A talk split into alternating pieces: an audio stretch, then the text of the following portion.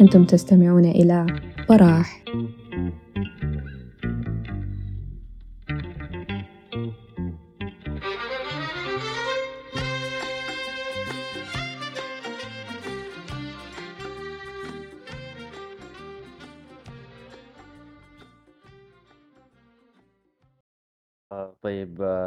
عليكم وأسعد الله مساكم ومرحبا بكم من جديد على منصة براح آه، تابعونا على حساب براح على فيسبوك وتويتر واستمعوا لتسجيلات الحلقات الفاتت على حساب براح في ساوند كلاود.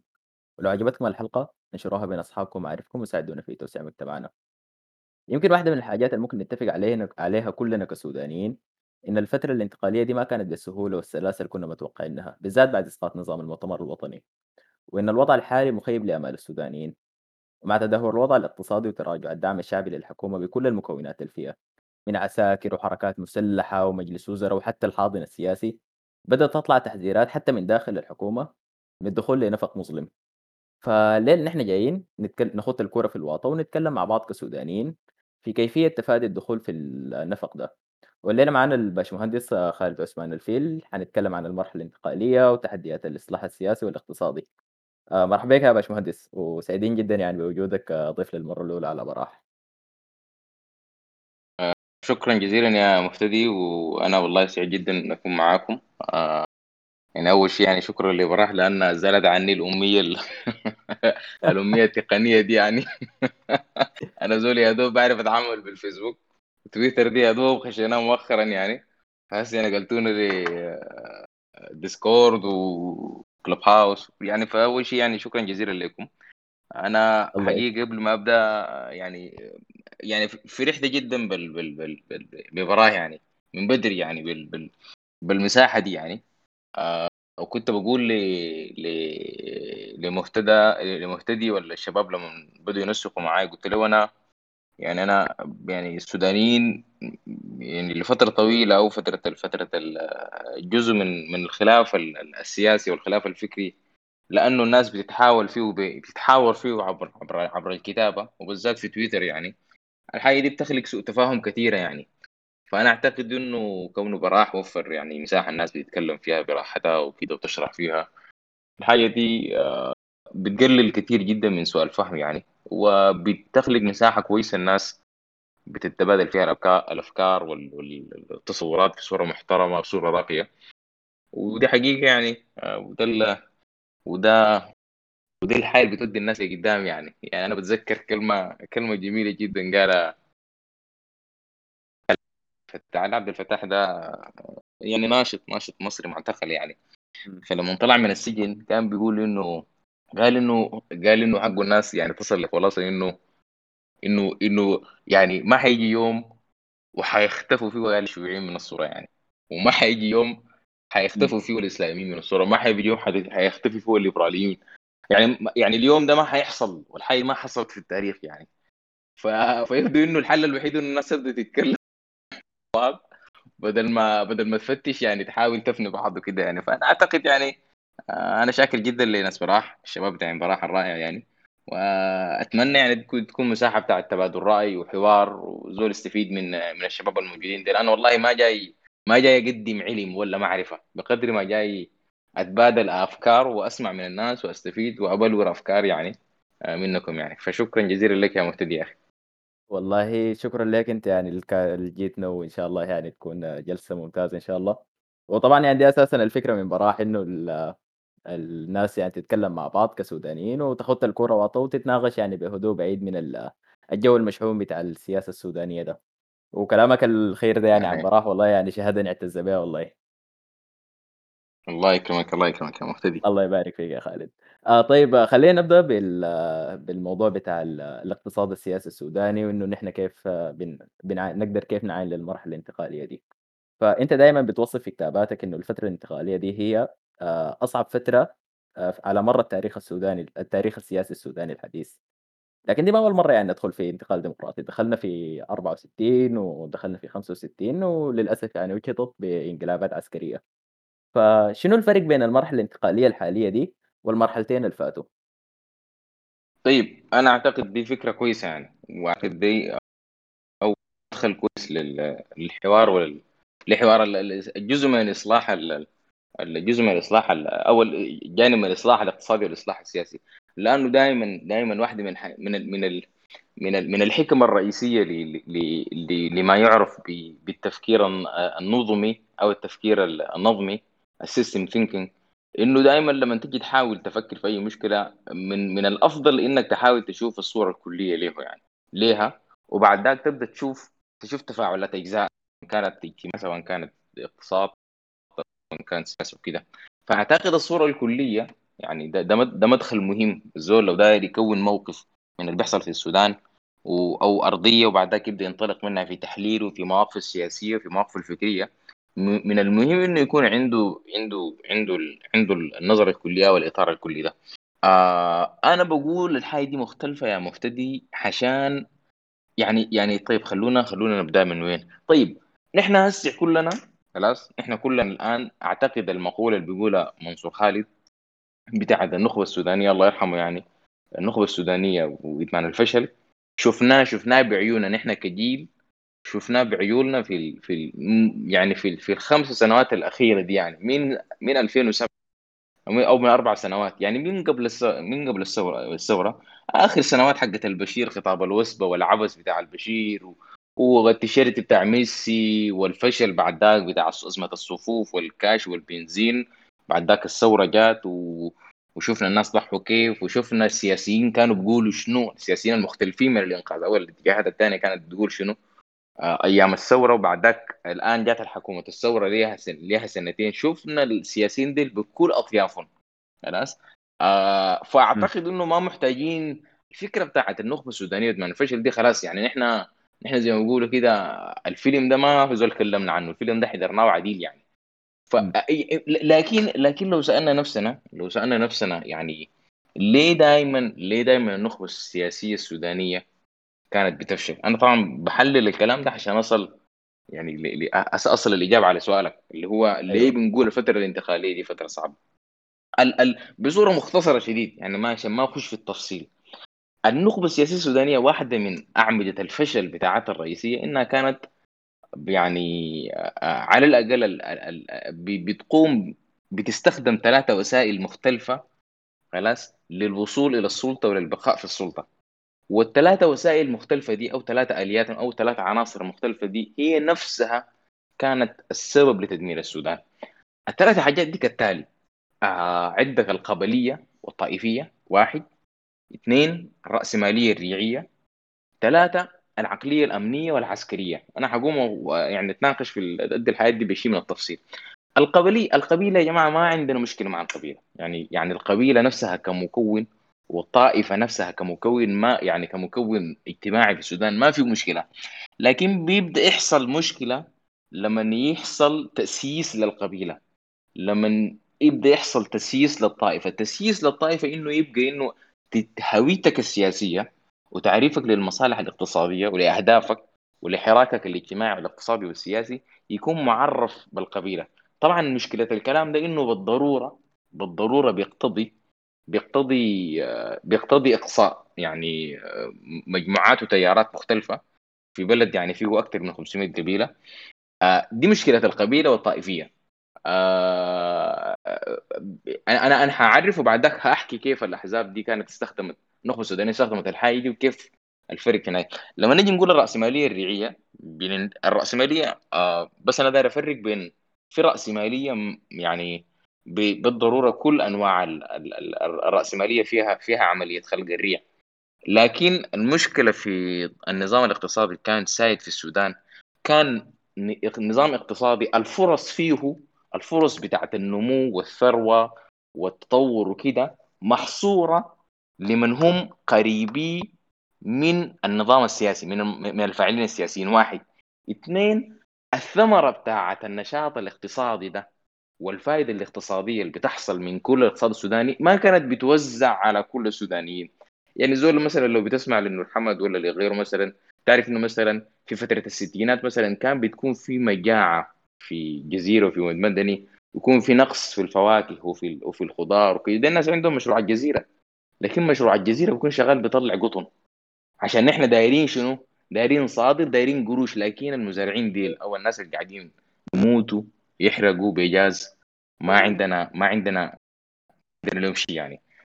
فالنظام الاقتصادي كان بيقوم على ال على ال على على الرأسمالية أكثر أكثر تجلي لموضوع طبعا قبل ما أمشي للنقطة الثالثة دي عشان بس أقوم أشرح الهنايه دي معروف طبعا إنه إنه إنه أكبر يعني على مر الأنظمة الديمقراطية في السودان الثالثة السابقة يعني كانت دائما الأحزاب السياسية الكبيرة. كانوا يا إما المحسوبين على الاتحاديين أو المراغنة أو الجهة الثانية اللي هي صار يعني القاعدة بتاعتهم والولاء بتاعهم وسياساتهم كانت بتكون متأثرة بموضوع القبلية والطائفية. ده العنصر الأول وده, الحال اللي بيخلي دائما كان صراع مستمر في إنه أي واحد يعني يعني أول شيء القاعدة اللي بتوصله للسلطة هي القاعدة بتاعت القبيلة بتاعته أو الطائفة بتاعته كده.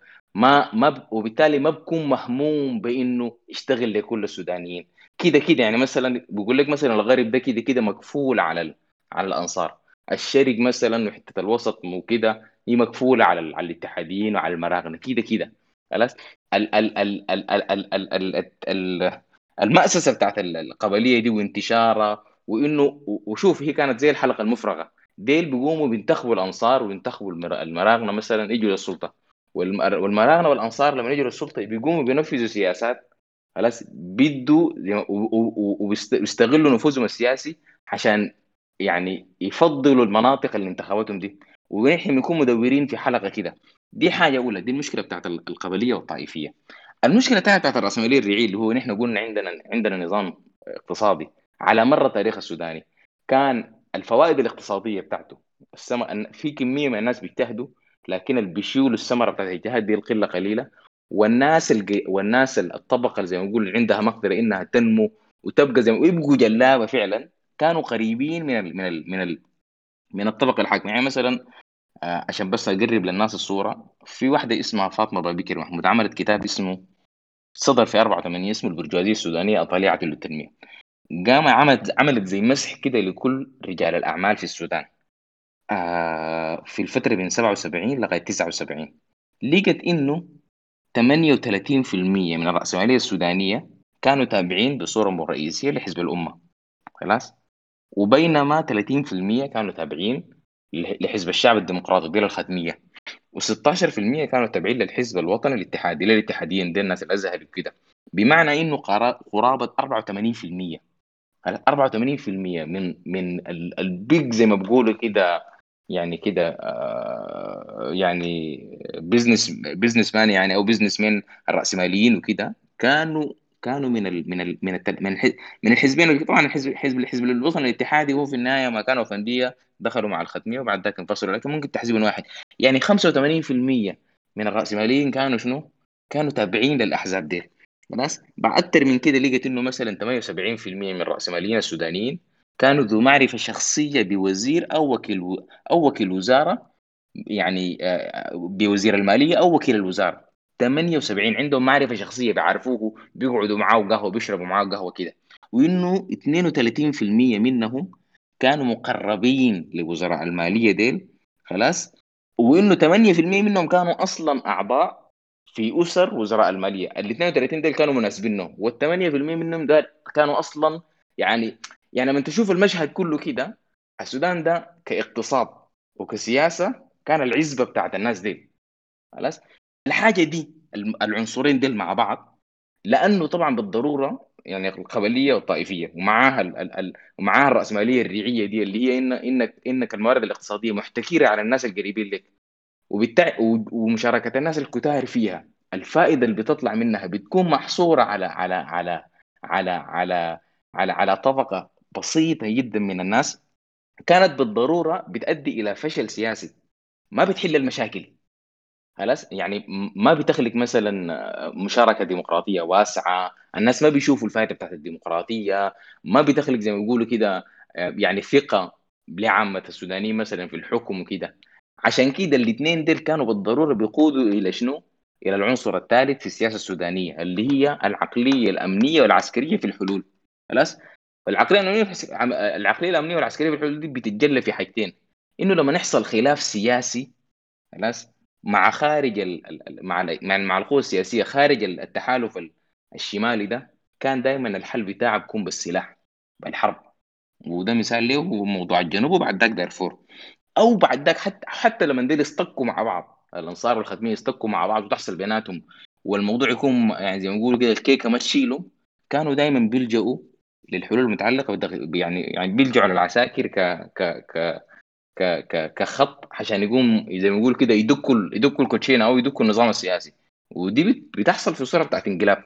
فأنت تلقى نفسك مدور في حلقة من ثلاثة حاجات.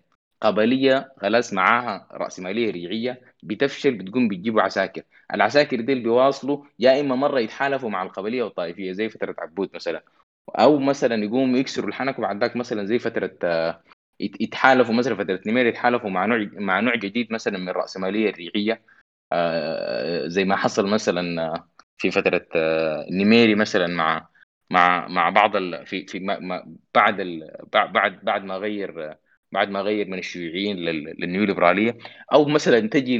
لعهد الإنقاذ مثلا عهد عسكري العساكر فيه يتحالفوا مع قبلية وريعية وكده فكانت يعني شوف على طوال على طوال الفترات السياسية السودانية كانت يا إما بتتفاوت بين يعني مثلا الفاعل السياسي يا إما مرة يتحالف مع القبليه يعني يا اما يا إما يكون هو متحالف مع القبليه وبعد ذلك عنده راسماليه ريعيه دقة اللعبة جات جو, عساكر عساكر بيقوموا يتحالفوا مثلا مع مع مع قبليه أو طائفية زي عبود. بعد ذلك يجوا يجوا مثلا فترة نمير يقوموا عساكر يتحالفوا مثلا مع راسماليه الفترة اللي حصل في عهد الإنقاذ خلاص؟ دي القصة كلها بتاعت السودانية بصوره الصورة الكلية كده خلينا نقول يعني. الحصل في احد الإنقاذ إنه نحن أو مع بعض الإنقاذ إنه نحن لأول مرة يكون عندنا فاعل امني فاعل امني بالضرورة اللي هو الفاعل, الفاعل الامني الوحيد اللي كان في السودان خلاص كان الجيش. دائما الحل العسكري كان بيلجأ له لما الحلول حقت القبلية وال والرأسم... الكومبينيشن بين القبلية والع- والرأسمالية ال- ال- الريعية ما تشتغل. يفشل النظام يقوم يجوا يجوا العساكر. لأول مرة في التاريخ نحن عندنا فاعل سياسي. امني هو عسكري خلاص. في نفس الوقت عنده مشاريعه الرأسمالية الريعية خلاص. في نفس الوقت عنده تحالفاته القبلية والطائفية ودي بتتجسد في في في فاعلين رئيسيين. الفاعل السياسي الأول الجيش السوداني. لأول مرة في التاريخ السوداني الجيش يكون عنده إمبراطورية اقتصادية. يعني دي, واحد دي, دي يعني لو أصلا الناس بيتكلم عن ارث الانقاذ الجدد مش ارث الإنقاذ ده مش الكلام بتاع ارث الذين عملوا الكلام بيقولوه ناس قحط ده. لو في أسوأ إرث عملته الإنقاذ فهي إنه لأول مرة في المشهد السياسي السوداني الجيش ما بقى شيء بيلجأ له فقط. يعني فاعل فاعل فاعل أمني لما تفشل الرأسمالية التحالف بين الرأسمالية الريعية والقبلية. الجيش نفسه بقى مجسد لنوع من أنواع الرأسمالية الريعية. خلاص؟ الجيش نفسه اللي هي شركات الجيش وكده.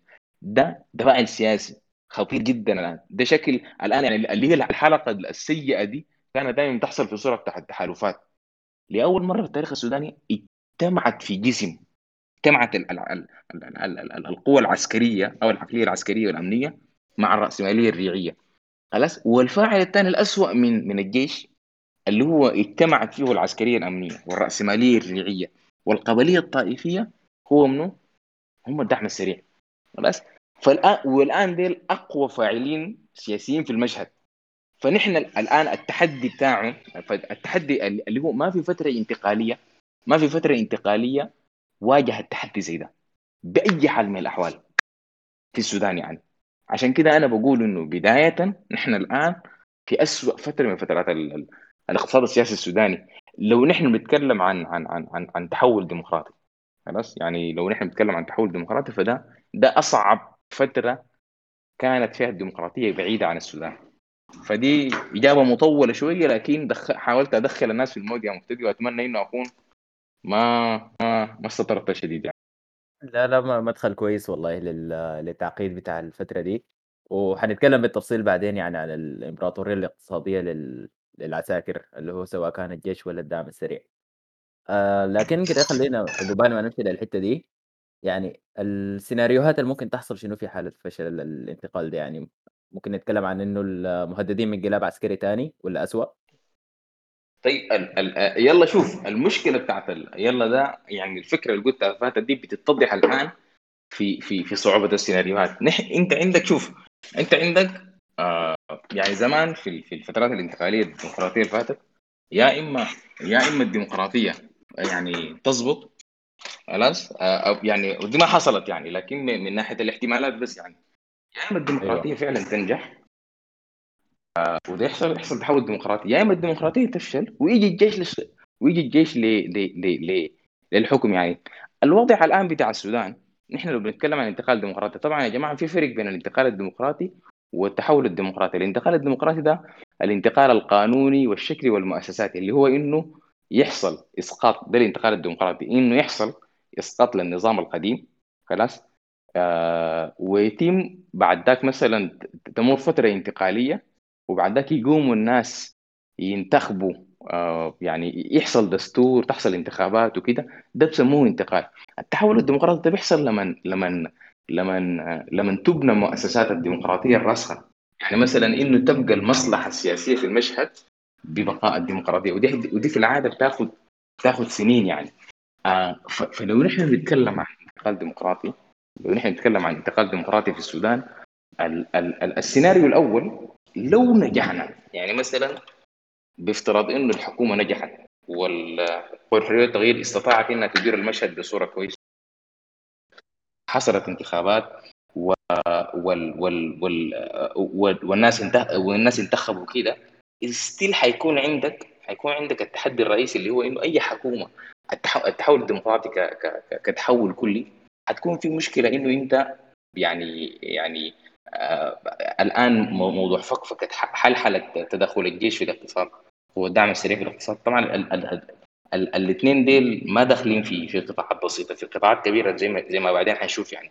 فحيكون عندك still حتى لو نجحت لو نجحت في الحاجة دي حيكون عندك تحدي بعد ذاك في التحول الديمقراطي حيكون في صعوبة حقيقية لأنه الجيش ما زال فاعل في الاقتصاد. عشان تقوم تف- تفكفك وتطلعه من الاقتصاد دي شغلة دي صعوبة. ده السيناريو الأول ده السيناريو الكويس الناجح. شوف شوف آه، شوف الصعوبة اللي فيه مقارنة مثلا بالسيناريو بال بالفترات الانتقالية اللي فاتت. الفترات الانتقالية اللي فاتت لو لو الحكومة كانت نجحت في إنها تنتخب حكومة تتم تتم فتره انتقاليه بتاعت خمس سنوات وأربع سنوات وتنتخب حكومة جديدة خلاص يعني دي بتقلل بصوره حقيقية من من عوده العساكر يعني. وما عندك مهدد هيكلي مثلا إنه العساكر مسيطرين على الاقتصاد ممكن يعني مثلا زي يعني ممكن يضعفوك أو أو يأثروا عليك يعني. ده السيناريو الأول. السيناريو الثاني اللي هو أقل سوءا من ده إنه ترجع ل ترجع ل... ل... ل... لحكم عسكري يعني. وطبعا ده حيكون هنا برضه حتى لو قارنته بال... بال... بالفترات ال... بالفترات السابقة ده حيكون أصعب لأنه هنا حيكون عندك جيش جاي يحكم وعنده نفوذ الاقتصادي داير يتوسع فيه خلاص وعنده وعنده شركاته لأول مرة في تاريخ السودان السيناريو بتاع الحرب الأهلية أو التحول السيناريو اللبناني إنه يكون عندك أمير حرب زي حزب الله مثلا اللي هو دي بتحصل في في في في آه، بوجود الدعم السريع يعني. ما هو الدعم السريع ده مثلا لو لو الموضوع ده مثلا آه، آه، يعني لو لو الجيش ما قدر ما قدر يحكم سيطرته. آه، حنكون حنكون بين بين سيناريوهين يعني. لو الجيش ده ما قدر يخرج الدعم السريع ده يا اما حصلت حرب أهلية. أو اللي هو الجيش يعني حصلت يعني حرب فناء بين الاثنين دول بين الجيش والدعم السريع لغاية ما واحد فيهم يسيطر ودي حتكون مذبحة بتاع الدماء يعني. أو وصلوا لتسويه التسوية دي بمفادها انه حميدتي مثلا يكون يكون يكون أمير حرب فاعل فاعل سياسي جوهري مثلا في هيكل الدولة السياسية السودانية زي ما حزب الله الآن فاعل سياسي في هيكل الدولة الطائفية في في لبنان. فأنت عندك مهدد إنه دولتك ذاتها يبقى عندها مكون طائفي. فدي ثلاثة سيناريوهات. الثلاثة سيناريو- سيناريوهات كلها يعني كل واحد فيهم لما تقارنوا الفترات الانتقاليه اللي فاتت بتحس إنه كان فيه صعوبة جديدة. عشان كده دي يعني طبعا ما بحاول يا جماعة معلش ما بحاول أرسم مشهد مشهد قاتل. لكن جانب رئيسي من إنك تتعامل مع المشاكل بحلول جادة إنك تقدر زي ما بيقولوا كده المشهد يعني. فدي ثلاثة سيناريوهات ودي ودي زي ما بيقولوا كده يعني وكيف إنها بتشرح وبتأكد الفكرة اللي فاتت اللي كنت بقول انه إنه نحن الآن بنمر بأصعب فترة سياسية في تاريخ السودان. أتمنى أكون جاوبت على السؤال بصورة كويسة. لا، لا مشكور، مشكور جدًا. آآ طيب يا خالد ال طبعًا المواضيع بتاعة التحوّل الديمقراطي والانتقال الديمقراطي دي، يعني هي مدروسة بشكل واسع في ال في الأدب السياسي بشكل عام. فواحد من أهم. الأساليب يعني بتاع لضمان التحوّل الديمقراطي ده، بالذات في وضع زي وضعنا ده، هو إنه يكون في ال الشعب هو اللي بيحرس التحوّل الديمقراطي ده، والشعب نعم طبعًا يعني بتمثّله ال غير القيادات المنتخبة ال المجتمع المدني، منظمات المجتمع المدني. يعني بمعنى إنه نعم فئات الشعب المختلفة ينتظموا قائديًا حسب مصالحهم، سواء كانت بالانتظام ده فئوي والّا كان جغرافي و أو أي شكل تاني، ويشكلوا ضغط مستمر على الحكومة عبر الممثلين، ويحرسوا المصالح بتاعتهم دي.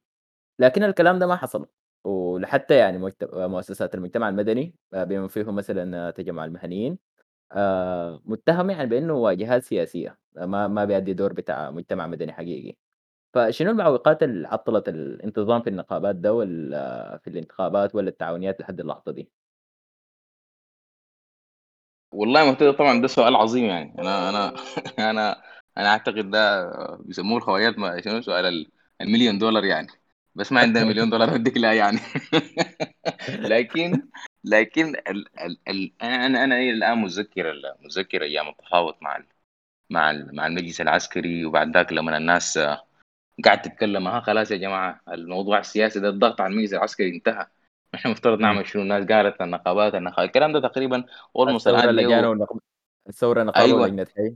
إمم، آي الآن لي- لينا سنتين والحاجة دي ما ما تمت يعني آه أنا أعتقد إنه إنه إنه جانب من ال من ال من فهم ال من فهم ال من يعني يعني ال ال ال ال الكلام اللي أنت قلته ده يعني إنه إحنا الآن بعد سنتين مفترض مفترض يكون عندنا قدرة إنه نسأل أسئلة واضحة يعني ليه الحاجة دي ليه الحاجة دي حصلت يعني. آه أنا أنا بزعم إنه إنه واحدة من مشاكل الحاجة دي إنه إحنا ما قدرنا المشاكل ال ال ال ال ال ال الهيكلية أو المشاكل ال ال يعني المؤثرة فعلا عن موضوع النقابات والتعاونيات وكده. النقابات والتعاونيات هي ما جمعيات ثقافية. يعني هي حاجة بتنشأ لحفاظ على مصلحة مادية خلاص؟ لفاعلين لمواطنين معينين في منطقة معينة. عشان الحاجة دي تحصل لابد يكون في أساس المصلحة المادية دي. مصلحة مادية قائمة فعلا. عشان كده مثلا أول نقابة مثلا بدأت تنشأ مثلا في في التاريخ وكده قامت الكلام ده كان بعد ال... بعد الثورة الإنجليزية. تمام؟ بعد الثورة الإنجليزية. ب- مش بعد الثورة الإنجليزية بعد الثورة الصناعية. أول تعاونية بدأت فتره التعاونيات ونشأت وكده. بدأت مع مع مع سلسلة بتاعت مصانع بدأ واحد برضه برضه أظن واحد بريطاني ولا نسيت اسمه يعني الحاجة ممكن الناس تلقاها في كتاب مدخل للتعاونيات والنقابات. فبالتالي بالتالي يعني النقابات في العادة عشان وت- وتزدهر وتتطور وكده بيكون في عندك في نوع من من المشاريع الضخمة. خلاص؟ أو أو خلينا نقول ثورة اقتصادية أو ثورة صناعية سواء قادتها الدولة أو قاد ال- ال- القطاع الخاص الوطني وبعد ذاك أو حتى الاستعمار نفسه. يعني اول أول إضراب في السودان كان إضراب مزارعي الجزيرة. خلاص؟ آه، اللي هم في من من من فترة الاستعمار يعني اللي هو لما الاستعمار جاء عمل مشروع بحجم الجزيرة بمشروع الجزيرة من كان أكبر مشروع اقتصادي أعتقد كان كان في شمال أفريقيا في الوقت ذاك زراعي يعني. المشاريع الاقتصادية الضخمة بتشغل كمية من العمال، العمال دي لما يجوا يقعدوا مع بعض بيحسوا إنه لابد يعملوا لهم هيئة جسم يحافظ على مصالحهم، يحافظ على على على على حقوقهم، يشكلوا به الضغط على على على رب المال أو أو على صاحب المال يعني. آه، ده الأساس المنطقي للديمقراطيه للنقابات التعاونيات، النقابات التعاونيات ما جمعية ثقافية، الناس ما بتقعد تتلمى فيها. والله دي تقول والله يا جماعة إحنا دايرين نشوف دايرين ننشئ جمعية ثقافية جمعية نقابية و- وكده. لا لا لا. أنا بجي خلاص أنا بجي بعمل نقابة لأنه عندي مصلحة مادية. خلاص؟ بغض النظر عن اختلافي مثلا مع مهتدي. مهتدي في النهاية أنا زول مكتشن وما بدوره نهائي قاعد معي لكن مهتدي ده قاعد أنا شغال في المكنة وهو شغال في مكنة. نحن الاثنين صاحب المصنع ده بالينا مشغلنا 12 ساعة في في في, ال في اليوم. خلاص؟ وبيدينا overtime وما بيدينا قروش. أنا ما يعني أنا أنا مهتدي ده مكتشن وما بحبه.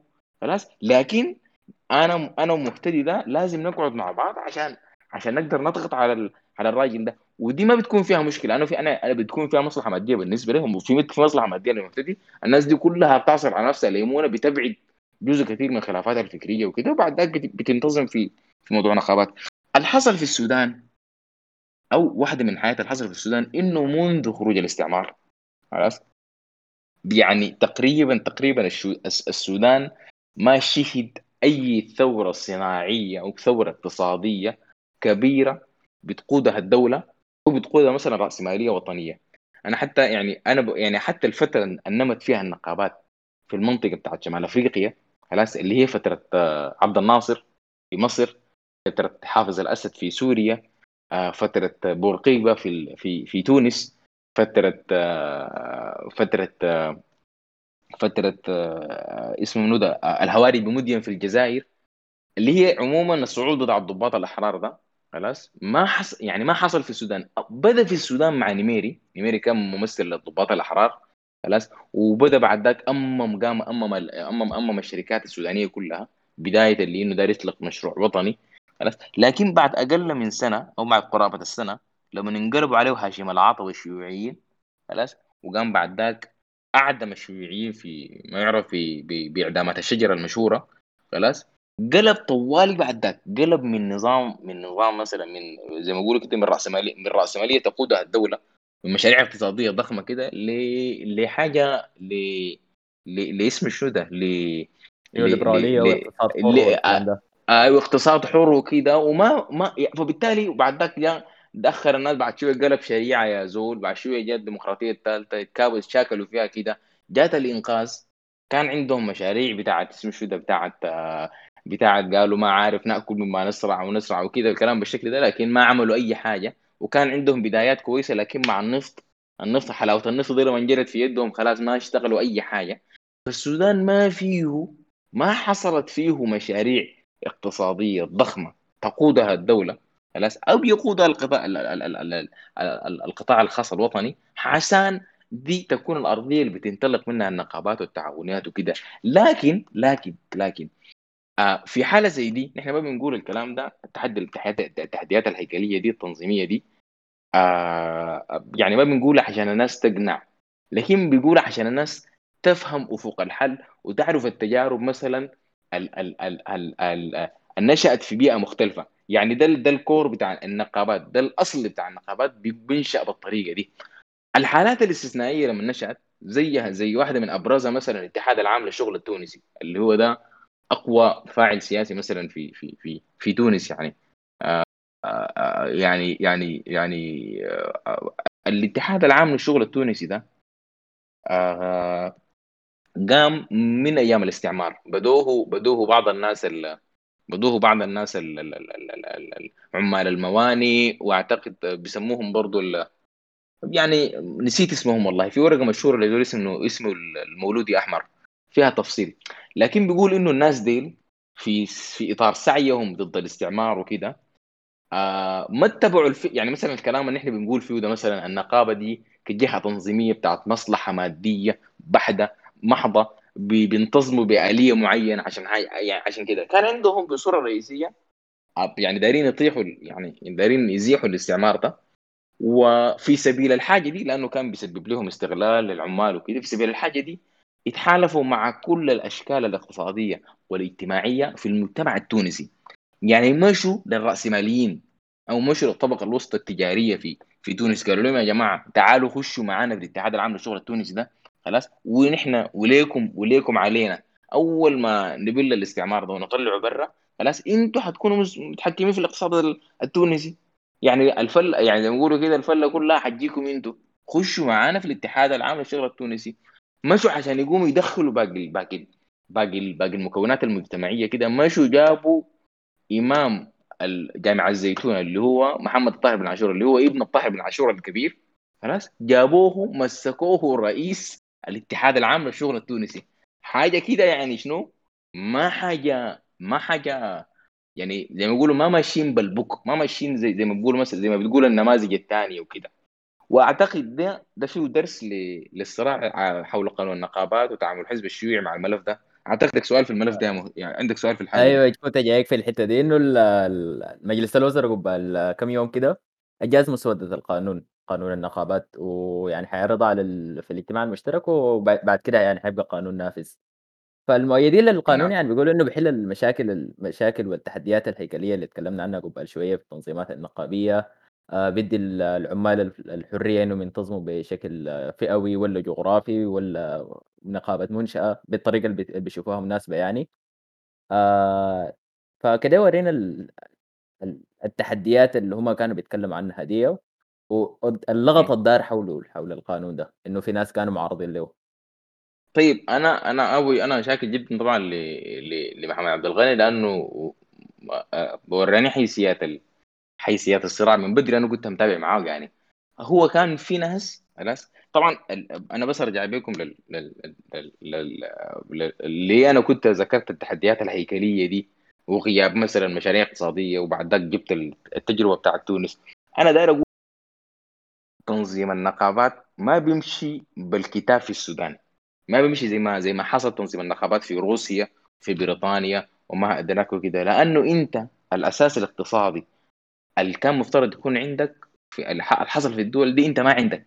فما في داعي مثلا الفكرة بتاعت إنه دايرين نعمل نقابة مركزية ونقابات ما عارف لابد النقابات تكون قطاعية وريبورتنج للنقابة المركزية والنقابة المركزية تكون عندها سلطة مركزية إنها ما عارف تعمل وتعمل وتعمل وتعمل. في المقابل لما تجي تشوف الحياة اللي عملوها التوانسة خلاص؟ بتشوف إنه الحاجة الرئيسية اول اول أول واحدة من الملامح الرئيسية لل- لل- للتجربة دي إنها كانت فليكسبل كان عادي حتى ما سموه اتحاد العمال سموه اتحاد الشغل. خلاص؟ دخلوا حتى ناس القطاع الخاص ودخلوا جزء من ال- من الطبقة الوسطى والتجار دخلوهم معاهم دخلوهم معاهم. خلاص؟ لأنه كانوا بيخوضوا في صراع سياسي صراع اقتصادي معين. خلاص؟ هم ادرى بصراعهم ده. خلاص؟ فكانوا دخلوا دخلوا فئات يعني زي ما بيقولوا كده زي ما بقول قانون النقابات بتاع الشيوعيين أو بتاع بتاع اليسار وكده ما بيخشوا فيه خلاص؟ يعني كيف كيف أنا كيف أنا أدخل الناس دي هنا؟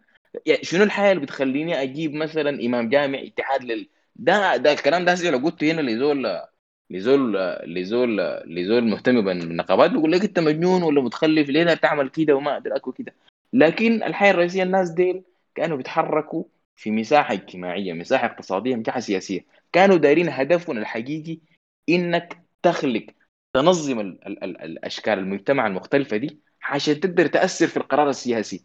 وكانوا براغماتيين في التعامل ما ماشيين بقوانين معينة لكن ماشيين بجوهر الفكرة. يعني جوهر جوهر سعيك للنقابات جوهر سعيك لل... لل... لإنك تنشئ تعاونيات إن... إن... لإنك تعمل كده إنك داير تنظم المجتمع المدني عشان تأثر على القرار السياسي. هم في سبيل تنظيم المجتمع المدني. عارفين المجتمع التونسي واحدة من مكوناته الرئيسية مثلا موضوع الدين ما عارف ال... ال- ال- القياده الرمزية لاول ال- ال- القوى الرمزية مثلا لجامعه الزيتونة ما عارف فكرة إنه ممكن محتاجين يتحالفوا مع مع جزء مثلا من الطبقة الوسطى أو من من من برجوازيه صغيرة عشان يدخلوها معاهم. كلام بالشكل ده كانوا فليكسبل ففي المقابل الحياة الحياة التجربة اللي هي ال ال ال ال ال ال أنا ذكرت ذكرت التجربة دي عشان الفكرة بتاعت إنك محتاج أنت ما واصي على القوى العاملة في تنظيمها أنت ما واصي على المجتمع. خلاص؟ فمحتاج تسمح مساحة تدي مساحة للحراك. كان حاصل شنو في قانون النقابات؟ كان في تصورين لموضوع النقابات. في أعتقد آه، قانون آه، قانون 84 ولا قانون 82 ما متذكر ال- ال- السنة بالضبط يعني اللي هو قانون بدي حرية التنظيم النقابي بصورة واسعة.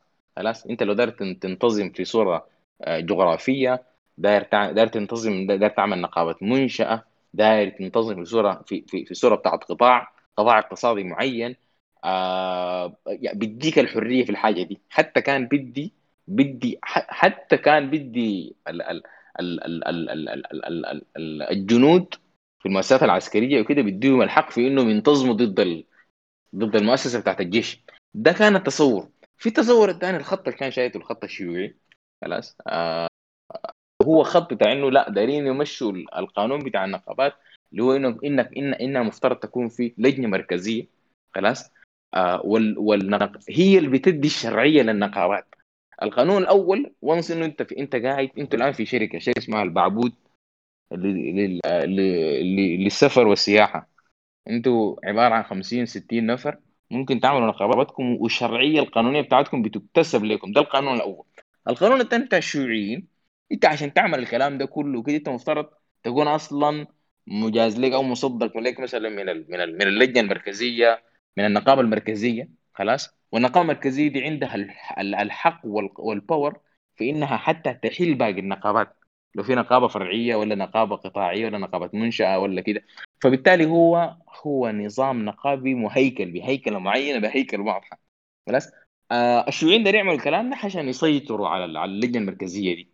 وجزء من النقاش بيتقال لك إنه والله يا أخي لا نحن دايرين نناقش الكلام ده عشان عشان عشان عشان يفترض يكون في لجنة مركزية تقود الكلام ده وكده. لكن لكن لكن هو سبب يعني السبب سبب مدافعتهم عن التصور ده وكده إنه إنه دايرين يكون عندهم دايرين يكونوا بالتالي يكونوا عنصر رئيسي في أو بصوره بتاعت يعني بالصراع السياسي بالصراع السياسي المعروف ده يعني بتاع بتاع الكدايس وتدخل ناس هنا وتعمل ناس هنا وكده وتصل للجنه المركزيه وبعد ذاك يعني تخش عموما في المجتمع يعني يعني تعيد انتاج نفسك مش كفاعل سياسي خلاص تعيد انتاج نفسك في في في في المكون المجتمعي يعني في في في في, في النقابات يعني آه يعني أنا زي ما قلت أنا ما يعني في في تفاصيل كثيره حصلت في الموضوع ده لكن الشيء المبشر إنه يعني زي ما فهمت إنه آخر قانون تم اجازته ده هو القانون الصح هو القانون اللي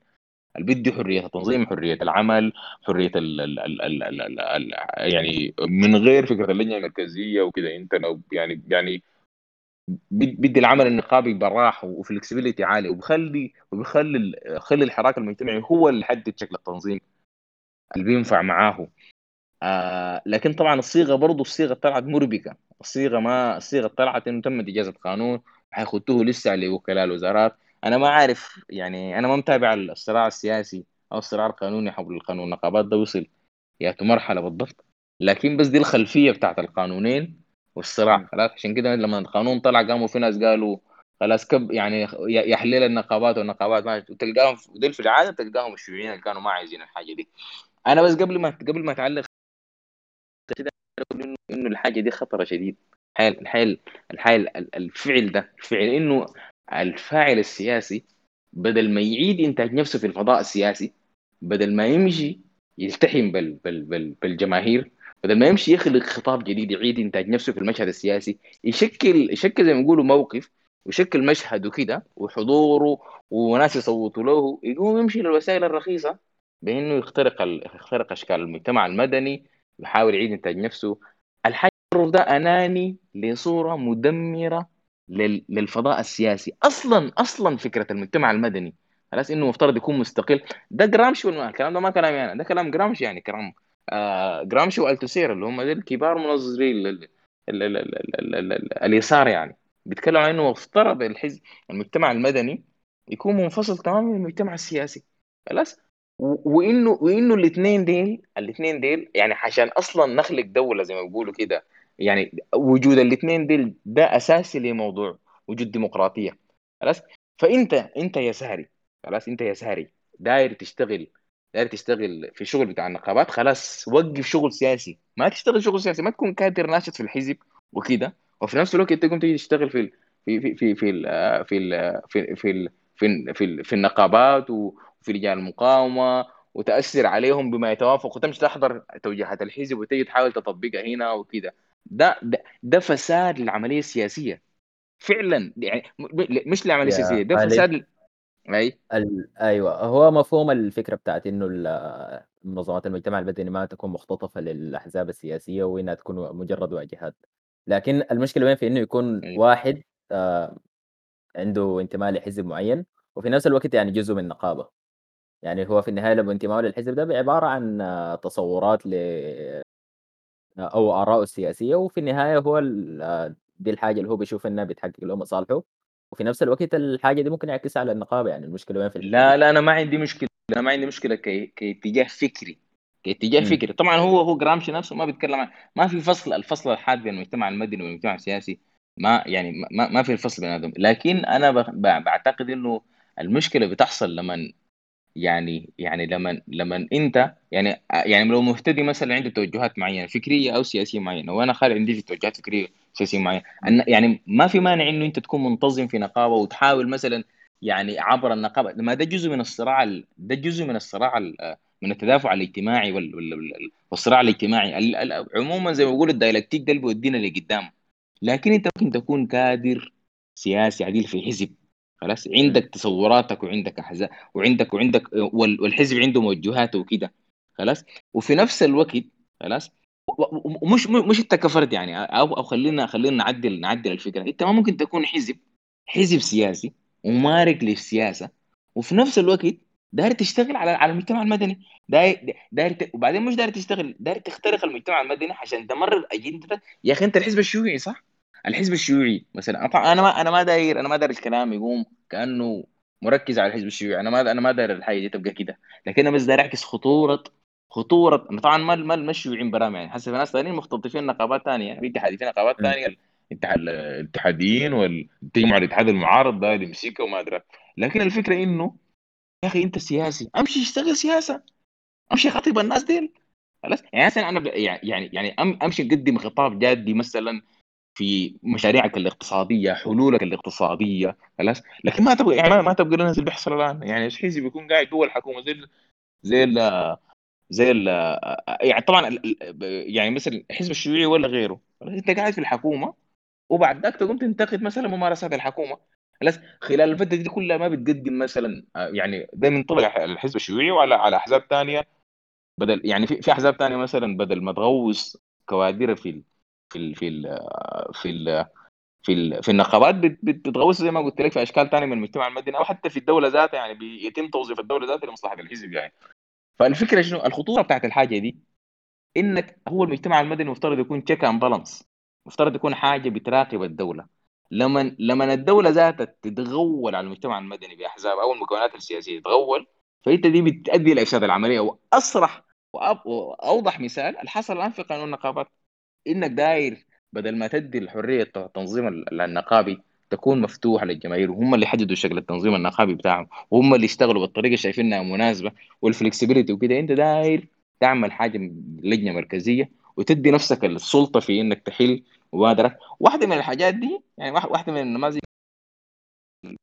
إنه ناس الموظفين في في البنك السوداني المصري قالوا نقابة ما يعني جزء منهم موظفين شيوعيين قاموا مشوا اعترضوا قالوا دايرين اطردوا رأس المال المصري قالوا رأس المال المصري يطلع برا خلاص يعني ده الحل لهم شنو؟ ما أنت ما أنت ما يعني ما ممكن تعمل كي. يعني مثلا دي ما هي النقابة وحراكة و... يعني الحاجة دي عندها حدود يعني في النهاية أنت النقابة دي أنا مش داير أسيطر على يعني على على كل رأس رأس المال وأنا أتحكم فيه وأتنافس فيه أنا داير أنا داير أخلق ظروف مفيدة تخلي يعني يعني العمال خلاص تخلي توزيع ال- توزيع ال- توزيع ال- ال- الفائض القيمة ده موزع بالعدالة على أكبر قدر ممكن. لكن ما ممكن أكون رأس المال لرأس مالي أطلع برا برا الشركة دي. اللي هو المصري ده جزء يعني. قاموا رفضوهم الناس. يعني يقول لكم شنو؟ إلا دخلت الوزيره في النهاية رجعته ف... فبس يعني بس بس يعني دي دي ده مثال. بس الفكرة بتاعت قانون النقابات والصراع الحول وكده ده ده يعني ده ده ده زي ما بيقولوا كده يعني مثال إنه كيف إنه ممكن ال ال ال ال بإنه الأحزاب السياسية بدل ما تشتغل شغلها تحاول تتغول على المجتمع المدني الحاجة دي كيف ممكن تكون ضارة على على على العملية الانتقال الديمقراطي ككل يعني. آه وأنا زي بكرر يعني الفكرة ما كانت في الحزب الشيوعي تحديدا يعني لكن ده كان ده مثال جابته جابته جابته السيرة يعني. لكن الحصل ده غلط غلط غلط كبير يعني مفترض الناس تتعلم منه. بس آه، طيب يا خالد آه، واحدة برضو من أشكال ال- المجتمع المدني هي ما نقابة بالشكل ده لكن ال- اللي هي الفكرة بتاعت لجان المقاومة يعني هي وين من الكلام ده وهي أساسا يعني هل بنقدر نعتبرها إنها فاعل سياسي خصوصا بعد إنه ال- في ملاحظات يعني إنه ال- اللجان بتاعت مناطق معينة بتكون دائما متماشية مع حزب معين طيب آه، اللجان بتاعت مم. مناطق تانية برضه ماشية مع حزب مختلف. طيب والّا هل والّا هل. بنقدر نعتبرها واحدة من مكونات المجتمع المدني وماخدة أقرب لواحدة من أشكال النقابة دي، باعتبار إنها انتظام جغرافي لسكان أحياء معينة والّا منطقة جغرافية معينة وبيعبّروا عن مصالحهم ورؤاهم؟ مم. والله والله طبعا شوف أنا أعتقد إنه يعني لجان المقاومة دي يعني آه، هي من من أفضل الأشكال بتاعت يعني لو في إبداع لثوره ديسمبر من ناحية التنظيم يعني من ناحية آه، التنظيم المجتمعي كده هو كانت لجان المقاومة يعني. حتى من يعني النقابات دائما في الأحزاب في الثورات اللي فاتت كانت كانت بتلعب الدور المركزي في التوجيه في الحراك على الأرض يعني. آه في ثورة ديسمبر آه الناس اللي لعبوا الدور مركزي في قصة التوجيه على الأرض. ربما النقابة عبر تجمع المهنيين بصورة رمزية وجهت لكن الناس اللي كانوا. ال... ال... ال... الحاجة الرئيسية اللي كانت فاعلة على الأرض هم كانوا لجان المقاومة. أعتقد ده شكل ده إبداع يعني ده إبداع بتاع مقاومة لا مركزي ممتاز جدا. يعني يعتبر إضافة في يعني دي الإضافة الرئيسية أعتقد إضافتها ثوره ديسمبر في الأدبيات المقاومة السياسية السودانية. وده شكل جدير بالاحتفاء آه وجدير بالمحافظة عليه خلاص وجدير بالانتقاد عشان يمشي لقدام مش عشان مش عشان يقيف يعني. أنا اعتقد انه انه لجان المقاومه الناس من بدري قالت انه انت انت لأنه المجتمع المدني ما عنده شرعيه ما عنده شرعيه من غير من غير الناس حتى النقابات عشان تتشكل وكده بتتشكل بجمعيات عموميه بانتخاب الفاعلين العمال في في المنشاه أو في القطاع الاقتصادي المعين أو في المنطقة الجغرافيه المعينه وكده. لجان المقاومة برضه يعني ليست يعني وكل أشكال التنظيم المجتمعي يعني هي ما عندها سلطة يعني زي ما بيقولوا كده يعني فوقية جايباها من حتة ما يعني. أنت في النهاية يعني أنت لو مجتمع مدني أو لو جزء من المجتمع المدني مفترض أنت بت يعني أنت بتمثل الناس أو يعني فبصورة رئيسية شرعيتك تكون جاية من الناس. آه الحصل خلال السنتين اللي فاتوا إنه بعد يعني المقاومه لعبت دور رئيسي في فترة الأزمات فترة الخبز وما أدراك موضوع البنزين وتنظيم الغاز ودي كلها كانت أفكار كويسة كانت اعمال أعمال كويسة. لكن دائما دائما زي ما بيقولوا كده العمل العمل العمل الخير ما ما يعني يعني يعني يعني آه يعني لو عملوا الزول الغلط أو بالطريقة الغلط دي ما حاجة بتغفر للزول ده. يعني مثلا ممكن زي زول مثلا ده مثال سيء يا جماعة أنا ما بقول كده. مثلا زي زول يخطف ولد أو يعني أو بيت مثلا شافع صغير بعد ذاك يمشي يقوم يربيه ويأكله ويشربه وما أدراك وكده. يعني هاي عمل حاجة كويسة لكن الزول ده عملها في سياق كله غلط يعني. فما فأعتقد إنه وكان مفترض هو أصله داير يعمل خير كان مفترض يرجع الولد ده يعني كده لأبوه وأمه يعني. الحكاية المفترض تحصل مع مع انشغال. على قلب التوازي. الزول ما كان بيقول إنه مفترض يعني المقاومة تجيب شغلة. لكن كان مفترض بالتوازي إنه يا أخي يعني المقاومة دي تبدأ تشتغل شغل قاعدي حقيقة خلاص. إنها مثلا تبدأ تكون منتخب يعني مثلا تبدأ مثلا ترتبط ب ب ب بأشكال. يعني مثلا هي هي موزعة جغرافيا. تبدأ تشوف يعني أصحاب المصلحة في المنطقة دي. سواء كانت كبار السن لجان شعبية مثلا ما عارف لجان بتاعت مساجد لجان مثلا بتاعت آه سكان وتطوير ونظافة في الحياة المهم ايا ايا كان أشكال الأشكال الموجودة. أو حتى دعوات عامة تدعو الناس. وعندك تقول لهم إنه إحنا والله دايرين نعمل كده كده لجنة كده كده دايرين تعمل كده كده كده كده. ونحن بعد ذاك ممكن يعلنوا انتخابات خلاص. ولجنة الحي دي ما لازم يكونوا شباب يعني. هذه لجنة الحي دي مثلا يكون ماسكين الخدمات فيها والشغل كده. لجنه الحي يكونوا مثلا شباب ناس كبار يعني الضابط في الحاجة دي إنه يتم انتخابهم من الناس إنه يلتحموا مع الناس. الحاجة دي بت بت بت بتخلي بت بتخلي البوصلة بتاعت يعني المقاومة هي الناس ومصلحة الناس. مش الحاجة مش مش يعني مش مش مش ما عدا ذلك. الحاجة دي لما ما حصلت الحاجة دي فتحت الباب أو لما حصلت بصورة كبيرة فتحت الباب ل ل ل ل لأشكال مختلفة لكل الاحزاب السياسيه المرة دي ما زول ما حيركز على الحزب الشيوعي. الحزب الشيوعي عنده كدايس دخله وباقي الأحزاب دخلوا كدايسهم في في في لجان المقاومة. وبيقوا بيحاولوا يوظفوا لجان المقاومة دي خلاص كجانب مثلا من التصعيد السياسي. ما عارف حصلت مشكلة بين جزء من الرجال هنا. طوالي ما عارف متاريس في حي شنو كده ما عارف وقفين للشواهد ما أدري. والناس المتضررين من الكلام ده كله يعني هم. هم بصورة رئيسية كانوا الناس يعني عامة الناس يعني. أنا كل ما كل ما كيف يعني كل ما كيف أنا تقريبا ممكن اكون وقفت قدام. الفترة اللي فاتت ممكن اكون وقفت قدام. من 30 ل 40 ترس كده. كل ما أجي مرة بيقوم بقيف. بقوم بتكلم معاهم. ما حصل مرة زول قال لي إحنا عملنا الحاجة دي عشان ناس الحي قالوا قفلوا الشوارع. خلاص. عشان الناس الحي قالوا مثلا كده. ما في زول بيقول لي الكلام ده. ما, ما حصلت أنا كنت أتمنى إنه الحاجة دي تحصل يعني. أنا الوقت ده حكون محترم نفسي يعني. وما يعني طوالي بقوم طوالي بقوم بقول لهم أنتوا عملتوا الكلام ده ليه؟ بقول لهم الحكومة بتبيل فينا وأنتوا بتطلعوا بتطلعوا عيننا وش يعني قاعد قاعد أتكلم معاهم يعني ما يعني آه، من باب ال... يعني مرات شمطة مرات زعل مرات كده. لأنه في النهاية أنت ما يعني زي, زي ما بيقولوا كده الما بيدورك ما لومك يعني. ف... ف... ف... فبس أنا أعتقد إنه التحدي الآن إنه يعني المقاومة دي آه يعني تبدأ تشتغل الح... يعني تبدأ تمشي تنحو نحو الاتجاه ده.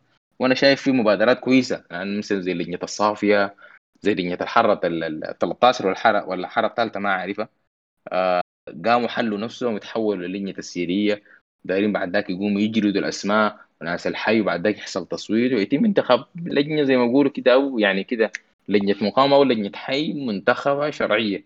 فبس ده ده ده ده, ده تعليق العام على موضوع لجان المقاومة. لكن أنا يعني أنا شايف إنه لجان المقاومة دي حاجة مركزية يعني أعتقد دي أكثر فكرة ثوريه خلاص؟ ممكن جابتها جابتها ثوره ديسمبر يعني دي دي دي دي ده شكل من أشكال التنظيم السياسي ما كانت موجودة نهائي في الشكل بتاع السياسة السودانية السابقة وده الشكل المفترض يتم المحافظة عليه بأي ثمن خلاص؟ لكن لأنه إحنا بنحب الشكل ده والمحتفين بالشكل ده خلاص. اللي بيحصل الآن ده غلط كبير شديد. ومفترض الناس يتداركوا بس. آه طيب كلام ممتاز يا خالد وملاحظة جميلة في موضوع لجان المقاومة ده. آه لكن لو أخذنا الموضوع يعني بصورة أشمل كده سواء كان لجان المقاومة سواء كان منظمات المجتمع المدني اللي اتكلمنا عنها نقابات المنشأة والفئة والكلام ده كله. لو رجعنا للأساسيات بتاعت الحاجة دي يعني هو أهمية الحاجات دي يعني؟ أو كيف ممكن تفيدنا كسودانيين من ناحية القضايا والملفات المفروض آه، يتابعوها يعني. ويضغط على الحكومة لتنفيذها. أو بشكل ثاني شنو الحاجات اللي حصلت في خلال السنتين دي؟ لو كان عندنا مجتمع مدني حقيقي كان الموضوع ده كان الموضوع أخذ منحى ثاني في مصلحة السودانيين.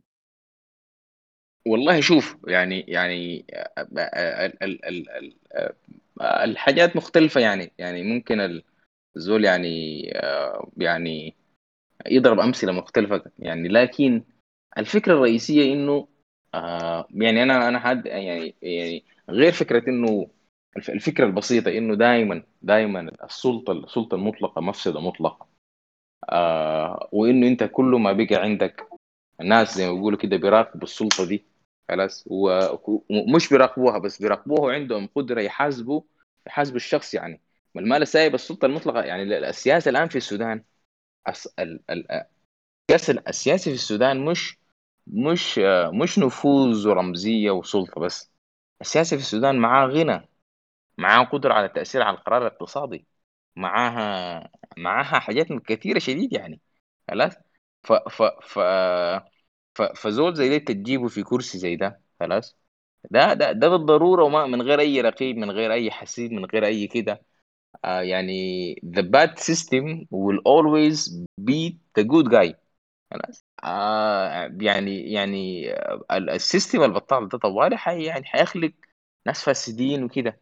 فأنت محتاج محتاج لإنه يكون يعني يعني تنظم شكل المجتمع المدني ده بصوره مختلفة عشان يقوم يكون جانب رئيسي من القرار السياسي خلاص؟ جانب رئيسي من العبثيه يعني أديك مثال بسيط أنا طبعا الحاجة دي الناس ممكن ترجع لها في في الفصل اللي كتبته عن أهمية النقابات في كتاب مدخل النقابات مدخل تمهيدي للنقابات التعاونيات آه يعني يعني بصورة رئيسية يعني اسيا اسيا الفكرة بتاعت الشلاليات دي وال وإنه الناس الميديوكر اللي جابتهم الحريه والتغيير في كل الوزارات وما أدري وكده لو نحن مثلا لو عندنا فعلا نقابة بتاعت نقابة موزعة بالقطاعات المختلفة يعني خلاص؟ الزول الناس أنت اللي بتونس مع مع, مع الناس اللي في الوزارات وكده دائما بتلقى في زول في زول تكنيكلي كده جامد خلاص؟ بيعرف شغلة شغلة الكهرباء دي كويس عارف مشاكل الكهرباء وتحدياتها. في نفس الوقت عنده قدرة كويسة وعلاقات طيبة مع العمال وعنده قدرات إدارية عالية كده. الزول ده مشكلته الرئيسية مشكلته الرئيسية إنه ما عنده حزب سياسي يعني. لكن أنت الآن أنت الآن لو بقى عندك لو كان مثلا في درجة عالية من التنظيم الاجتماعي والتنظيم النقابي الشفاف وال وال وال وال, وال وغير المتغول عليه من القوى السياسية الزول ده بالضرورة لأنه القوى القوى الانتخابية هنا قوة الصعود معتمدة على العمال ديل. والزول ده العمال ديل بيعرفوا كويس. الزول ده عادي ممكن يجي مثلا يبقى قائد نقابة خلاص؟ قائد نقابة بالضرورة وزول technically sound وزول بيمثل مصالح النقابة. فده زول أول شيء ابتداء كده مثلا يعني مثلا جزء جزء من مشاكل الكهرباء دي. يعني حتى حتى الآن يعني حتى الآن مثلا شنو الحلول اللي ممكن تحصل؟ يعني آه تقنيا مثلا وتصوراتك في صورة بتاعت آه، يعني يعني تصور تقني كده وزول عارف المجال ومشاكله وتحدياته ويوري الرأي العام المشاكل دي شنو كده وكده. كان عايز كان مثلا النقابة دي بقياده الشخص ده وبقياده الأشخاص دي. أول شيء حت يعني الناس حيكونوا عارفين المشكلة شنو خلاص؟ الحاجة الثانية حيكون عندهم قدرة إنهم يا أخي يضغطوا ما عارفين المشكلة وعارفين الحل. لأنهم نقابة ولأنهم قدر عندهم قدرة عالية على الاضراب عندهم قدرة عالية على التنظيم.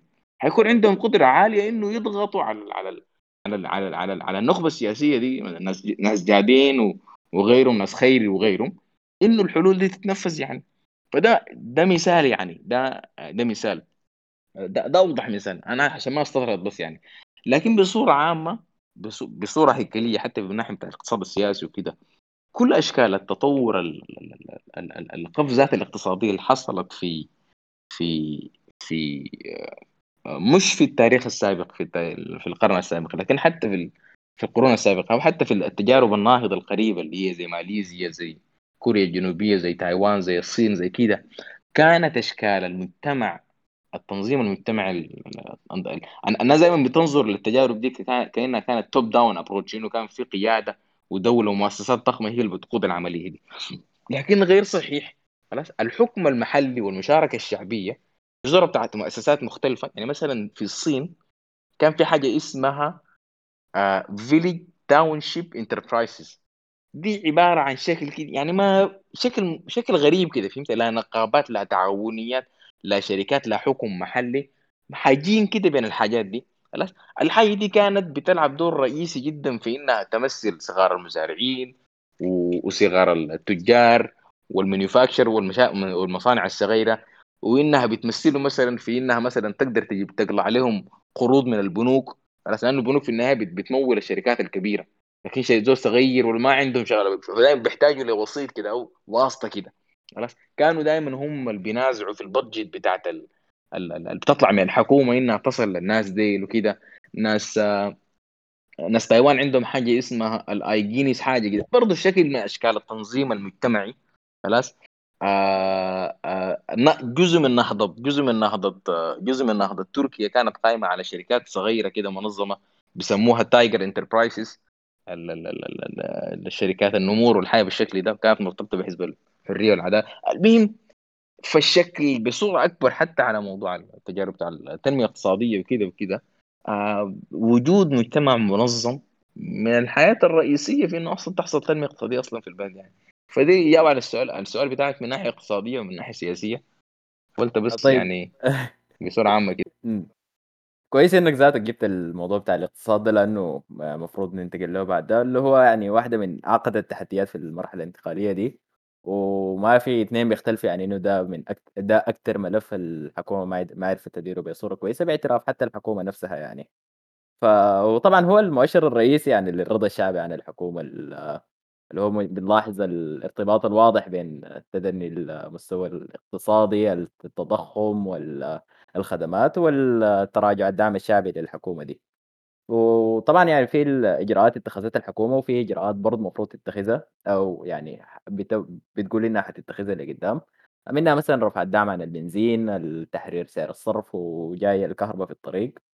آه دي طبعا حيكون عندها تأثير كبير على المرحلة دي. وده طبعا يعني سبب وجيه إنه نفرد له مساحة يعني مساحة خاصة كده للنقاش. فكده خلينا نبدأ من حتة الدعم دي. فأنت في أكتوبر اللي فات آه كتبت ورقة ونشرتها في المركز العربي للأبحاث والدراسات السياسات تكلمت فيها بصورة مطولة عن الدعم وتناولت فيها رفع رفع الدعم ولا هيكلة الدعم وعلاقة الكلام ده بالتضخم شنو والتبعات الاجتماعية. فكده حدثنا عن بإيجاز يعني عن الورقة اللي كتبتها دي. كويس. أنا أنا أنا بصوره رئيسيه إنه أنا يعني كنت بقول إنه الجدل دائما آه يعني الناس بي بي بي على الأقل على الأقل هسه مثلا شفت تويتر مثلا الجدل الأخير وكده الناس بيقول لك مثلا الناس المعترضين على موضوع الدعم ده فرع الدعم ده آه، دايرين الحكومة تز- تزيد مثلا في في في في في إنه في استمرار الدعم زي ما كان سابقا وكده. وأنا ما أعتقد أنا ما سمعت زول بيقول الكلام ده يعني بالشكل ده بالصورة الفجة دي يعني إنه دايرين الحكومة ما هنا كده يعني. الناس كلها كانت العقلاء من الناس يعني كانوا عارفين إنه شكل الدعم السابق مشكله حقيقيه كان لابد يتم إعادة هيكلة الدعم. ال- السؤال دائما كان بيكون في في نقطتين. النقطة الأولى إنه آه آه أنت طيب بعد ما ترفع الدعم آه حتتعامل كيف مع تبعات رفع الدعم؟ آه اللي هو اللي هو إنه أنت ما قلت حترفع الدعم. رفع الدعم ده حيزيد حي رفع الدعم ده مثلا أنا بتكلم عن الدعم بكل أشكاله. مثلا هسي هسي هسي على الآن الآن ال ال ال ال ال ال ال رفعت الدعم عن عن الكهرباء. الكهرباء مش الكهرباء ال- نحن الآن رفعنا دعم عن البنزين بس. شوف شكل شكل الأسعار الح... الشكل اللي وصلت له الأسعار الآن يعني. الآن أنت بتتكلم عن تكلفة بتاعت معيشة على الأقل في في جزء من أساسي يعني يعني قول 80 أو 75% من تكلفة المعيشة بتاعت العواصم الخليجية. سعر الفول هنا أغلى من سعر الفول هناك. خلاص سعر العيش هنا أغلى من سعر العيش هناك.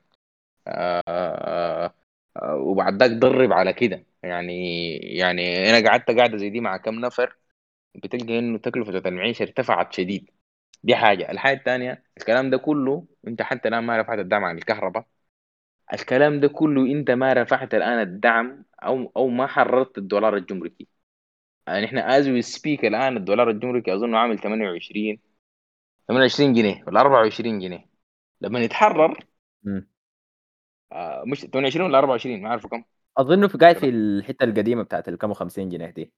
لكن 50 على أي حال يعني ما أي ممكن يعني لما يتحرر أي لما يتحرر أنت بتتكلم عن إنه السعر ده حيتضرب حيصل يعني حيصل 480 أو ال- ال range بتاع الدولار يعني. فتقريبا الدولار الجمركي حيتضاعف 10 أضعاف. فليك تتخيل إنه الاسعار حقت المنتجات. وفي دولة مثلا أنت يعني ال- ال- ال- جزء كثير من المنت... من الاستهلاك بتاع الناس آه، كله مستورد من برا يعني. يعني يعني شنو شنو حلولك للحاجة دي؟ الحكومة الوقت ذاك قامت قالت والله نحن دايرين نجيب ثمرات وما نجيب ثمرات وكده آه و... وكده آه ومشروع حي... حي... حينطلق لسنتين. وهيخفف ال... يخفف التبعات التبعات تبعات رفع الدعم ده عن عن عامه السودانيين وكده يعني أنا اعتقد برضو انه لو في مشروعين أو لو في سياستين اقتصاديات جديرات جدا بين الناس يدعموهم ويحتفوا بهم واحد سمرات اثنين ال ال ال ال ال ال ال موضوع موضوع تصليح تصليح الرواتب والاثنين جابهم البدوي يعني دي يعني دي, دي المشروعين أعتقد لو ال- الحكومة قدرت تستمر فيهم وتطبقهم بالشكل الصحيح يعني يعني ده حيش... يعني ده, ده حيكونوا تغيير في في شكل النظام الاقتصادي السوداني يعني لعقود أو لسنوات قادمة. لكن الطريقة تمت بها ثمرات أو الطريقة كانت كان شغالة بها ثمرات طريقة بتاع الزول داير يبرر رفع الدعم مش داير فعلا يخلق آه زي ما يقولوا كده مخففات لموضوع رفع الدعم يعني حتى الخواجة اللي كان شغال في في في ثمرات الكلام ده سابقا يعني قبل الإطلاق الأخير وكده. قال أنا ما حصل شفت برنامج كتب الكلام ده في تويتر. يعني قال قال قال الناس اللي شغالين في ثمرات نفسهم ما مقتنعين بالحاجة دي. خلاص؟ الناس كلهم بيقول لك ان الحكومة شغاله في الثمرات دي عشان تجيب تخلي الداعمين يدعموها. خلاص؟ ودايرة في الببليك ديسكورس يعني ال- في الخطاب ال- ال- الخطاب العام أول ما دول يقول لها طيب حتعملوا شنو حيقول ليه طوالي يقول له ثمرات ثمرات ثمرات ثمرات ثمرات. عشان إيش نظام شنو زي مقفل خشمك؟ خلاص نحن عندنا عندنا برنامج نخفف بيه ولا الحاجة دي يعني. آه آه الإشكالية اللي حصلت إنه نحن الآن نحن بنتكلم يا دوب بعد بعد عملوا الفول فليج الآن بدوا يرفعوا الدعم بصورة تحرير كامل يا دوب بدوا يكلموا الناس إنهم يسجلوا في ثمرات. خلاص؟ آه حتى التسجيل ده في المد في العواصم الرئيسية الخرطوم ما عارف وبرسودان ما ما أظن ذاته فيه ومدني وكده. في حين إنه الفقر في السودان ظاهرة ريفية.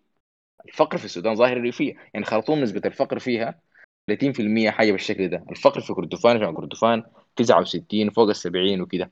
فبالتالي بالتالي يعني التساؤل بتاع الناس بتاعنا وبتاع الناس اللي كانوا رافضين لموضوع لموضوع سياسة رفع الدعم دي كباكي كاملة. إنه ما كان في أي تصور لتبعات رفع الدعم.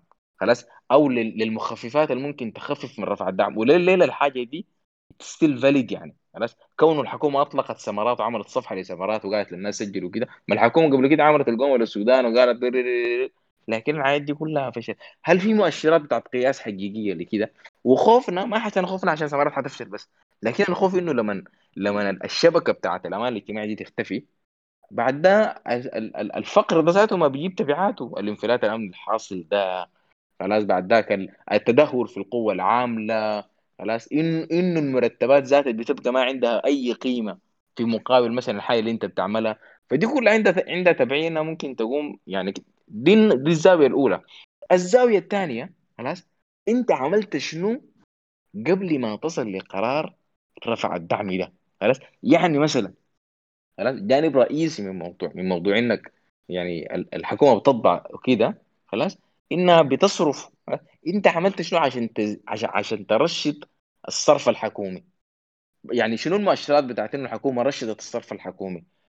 بالذات الآن مثلا مع موضوع السلام وأساسي من ناوي قال داير ما أعرف 500 مليون اديني 500 مليون دولار وده قال ادوني شنو؟ وده قال ادوني شنو؟ وده قال ادوني شنو؟ هل الحكومة أنا من حقي أسأل. هل الحكومة الدعم ده مثلا حيوفر الحكومة في السنة 2 مليار دولار؟ هل فعلا 2 مليار دي حيتوفر ولا الحكومة دي ذاتها ب 2 مليار دي حتمشي تقوم تطبع بيها وتدي منها بقروش وهي ذاتها تقوم تدفع في قروش وتبعزق قروش هنا وتعمل قروش هنا؟ ما هي الإجراءات لأنه لأنه ضبط الإنفاق الحكومي؟ يعني كده to be in place دي حاجة. الحاجة الثانية ما هي الخيارات البديلة تم السعي فيها لزيادة إيرادات الحكومة. يعني واحدة من الحاجات الرئيسية إنه مثلا آه مثلا بيحصل بيحصل بيحصل بيحصل رفع يعني كده الدعم مشكل ضغط على على على على على, على الميزانية. آه طيب أنت ما حب... ما حاولت تزيد جيب الايرادات ده مثلا؟ الحكومة عملت شنو في في في في ملف الضرائب؟ ما هي التغييرات الح... أنا أنا أنا كنت مثلا أنا كخالد كان ممكن اكون سعيد شديد مثلا لو الحكومة باختلاف وزرائها جو قالوا والله اشتغلنا في ملف الضرائب وقلنا نعمل كده وكده وكده وقدرنا مثلا نوفر مثلا لو نقول مثلا let's say إنه موضوع الدعم ده ما بياخذ 100 مليون دولار. واجتهدنا اجتهدنا والله بموضوع الضرائب ده ما قدرنا نزيد أكثر من 30 مليون دولار. عشان كده حنضطر نرفع الدعم بنسبة 70% حنعمل 1 2 3 4 فهل الكلام ده موجود؟ خلاص دي دي ده النوع الثاني. النقطتين دي لو ما تمت الإجابة عليهم رفع الدعم بصورة عامة هو الإجابة الكسولة. هو الحل الكسول. ما خلاص أنا مزنوق. مزنوق ودولة معصور وعندي تضخم ما أعمل شنو؟ الحل السهل إنه أرفع الدعم خلاص؟ وده, وده الحل اللي هو إنه ما أعمل أي حاجة. أرفع أرفع يدي من الحاجات يعني. خلاص؟ لكن الحل الاقتصادي الحقيقي إنه تسأل نفسك طيب شنو؟ طيب بعد ما رفعت الدعم اللي دي النقطتين بس مرة أختم بهم يعني أو ألخصهم ثاني أنت بعد ما رفعت الدعم شنو إجراءاتك الفعلية الحقيقية عشان تخفف من تبعات رفع الدعم اللي هي ممكن تكون خطيرة جدا مش على المستوى الاجتماعي بس حتى على المستوى الاقتصادي وعلى المستوى السياسي. ناس ناس الصندوق نفسهم ناس ناس الصندوق النقد دول نفسهم في, التقرير بتاعهم كانوا متخوفين من التبعات الاجتماعية بتاعت ال... بتاعت ال... بتاعت الحاجة دي. والكلام ده رساله منهم للحكومة إنه to take ال mitigation measures seriously إنك تاخذ الإجراءات اللي بتخفف دي بصورة جادة فعلا يعني. خلاص دي, دي, دي الناحية الأولى بتاعت السؤال. فلو أنت ما عندك الناحية الأولى بتاعت السؤال دي رفع الدعم ده حيكون كارثة اجتماعية اقتصادية سياسية على على على على أصعدة ثانية يعني أنت حتحقق أنت حتقلل التضخم لكن البطالة الفقر الانفلات الأمني في مؤشرات اقتصادية ثانية وسياسية ثانية حتطلع فوق يعني. دي الناحية الأولى بتاعت اعتراضنا يعني. خلاص؟ الناحية الثانية كانت إنه الحكومة أنت هي الحكومة خلاص نحن يعني خلاص قلنا ما دايرين نفعل انت عملت شنو فيما يتعلق بضبط المصرفات الحكومية؟ واحد اثنين عملت شنو فيما يتعلق بزيادة إيرادات الحكومية. فدي دي, دي النوعين من السؤال. لكن ما في زول كان معترض إنه الدعم يعني يعني يتم إعادة هيكلة الدعم. ما كان في زول عنده مشكلة مع مع الفكرة دي يعني ما إنه إنه كان في مشكلة في بتاعت الدعم إنه الماسورة الكابه دي ساي إنه مفترض يتم إعادة هيكلتها. بس لكن بياتوا طريقة بأي تبعات إجابتك شنو على الكلام ده؟ فدي كانت ال... دي كانت المداخلات حقتي بصورة عامة و... وأعتقد إنها ستيل حتى الآن فاليد يعني. آه طيب يا آه خالد أيوه الكلام ده يعني ممكن نعتبره كمقدمه اقتصادية ونمشي للحتة بتاعت التبعات الاجتماعية يعني نتكلم عنها بإنها كيف حتأثر على ال- المرحلة الانتقالية. يعني بس أنا أنا أنا يعني ب... لأنه يعني قلت الكلام ده في جزء من الكلام اللي فوق إنه شايف إنه ال- التبعات حقت الحاجة دي يعني ال- ال- ال- التبعات ال- الاجتماعية للحاجة دي إنها انها إنها ممكن تدخل يعني ممكن تد... ممكن تزيد معدلات الفقر في صورة بصورة كبيرة شديد. آه آه الحاجة دي ممكن تأثر على على برضه على على القوة العاملة. آه ممكن تأثر على جودة الوظائف. آه بالذات في القطاع العام. يعني إذا حصل غلاء شديد مثلا خلاص. والعملة مثلا آه يعني تكلفة المعيشة بقت غالية. آه والمرتبات ما قدرت انت ما قدرت تزيد لأنه جانب من الاجراءات دي كلها الباكج دي كلها مفترض تخش فيها ما حتقدر ما حتقدر تزيد مثلا تاني مرتبات يعني. آه الآن الآن الزول السايق عربية وموظف عنده اسره من أربع أشخاص تقريبا تقريبا أنت بتكون بنزين بما يعادل تقريبا نقول زي أربعين ألف في الشهر.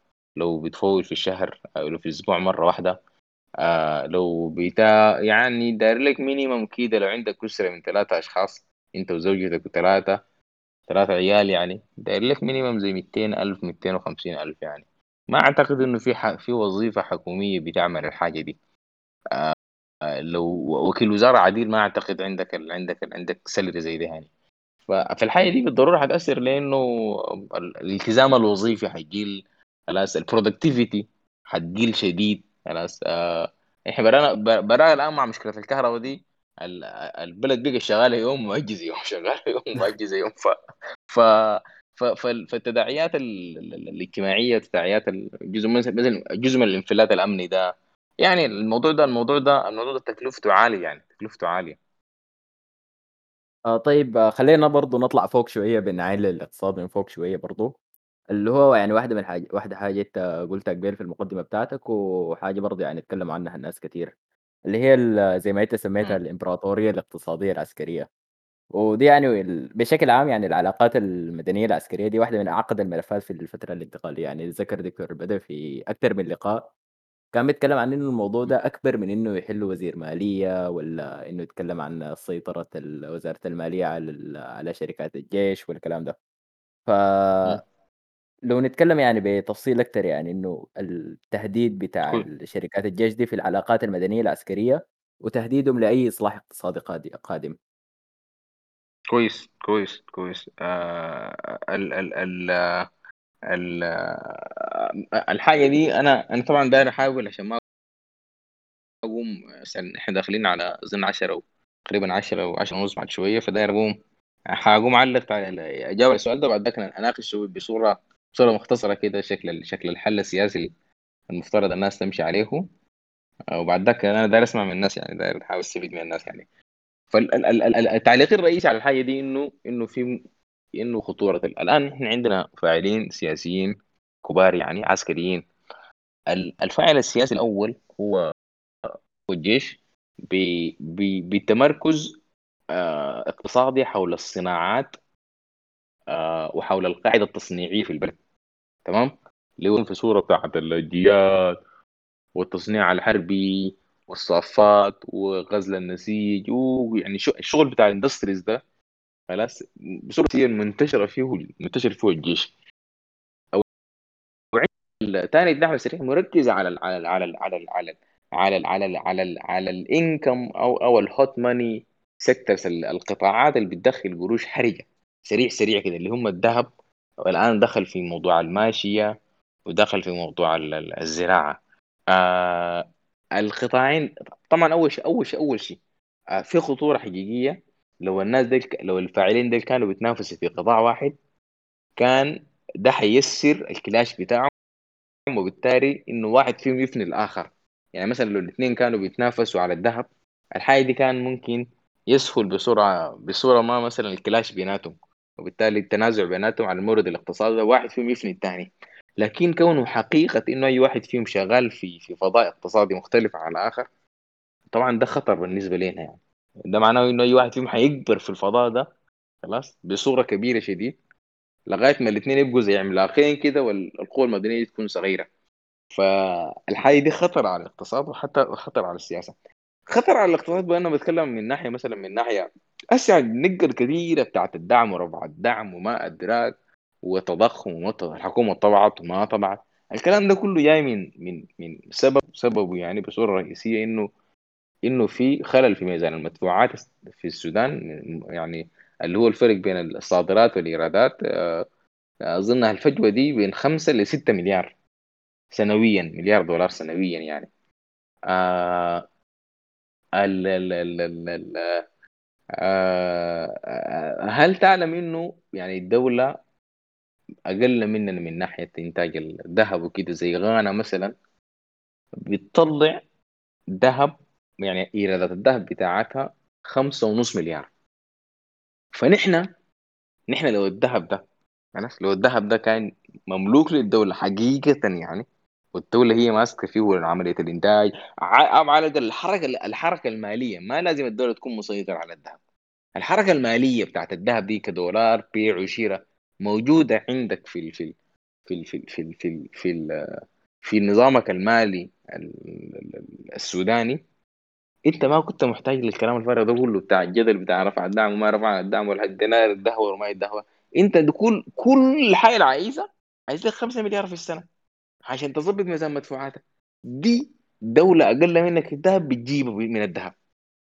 فقادر تتخيل إنه مش يعني جزء كثير جدا يعني كثير من الكلام الفارغ بتاع بتاع بتاع بتاع بتاع ال- الهطل بتاع المرتبات والذهب وال... ولو التضخم والتضخم والعمله وما العملة. لو بس الحكومة كانت ماسكة الذهب ده كان فضينا من الفارقة دي وبقينا نشتغل شغلنا مثلا اقتصادي وكده يعني.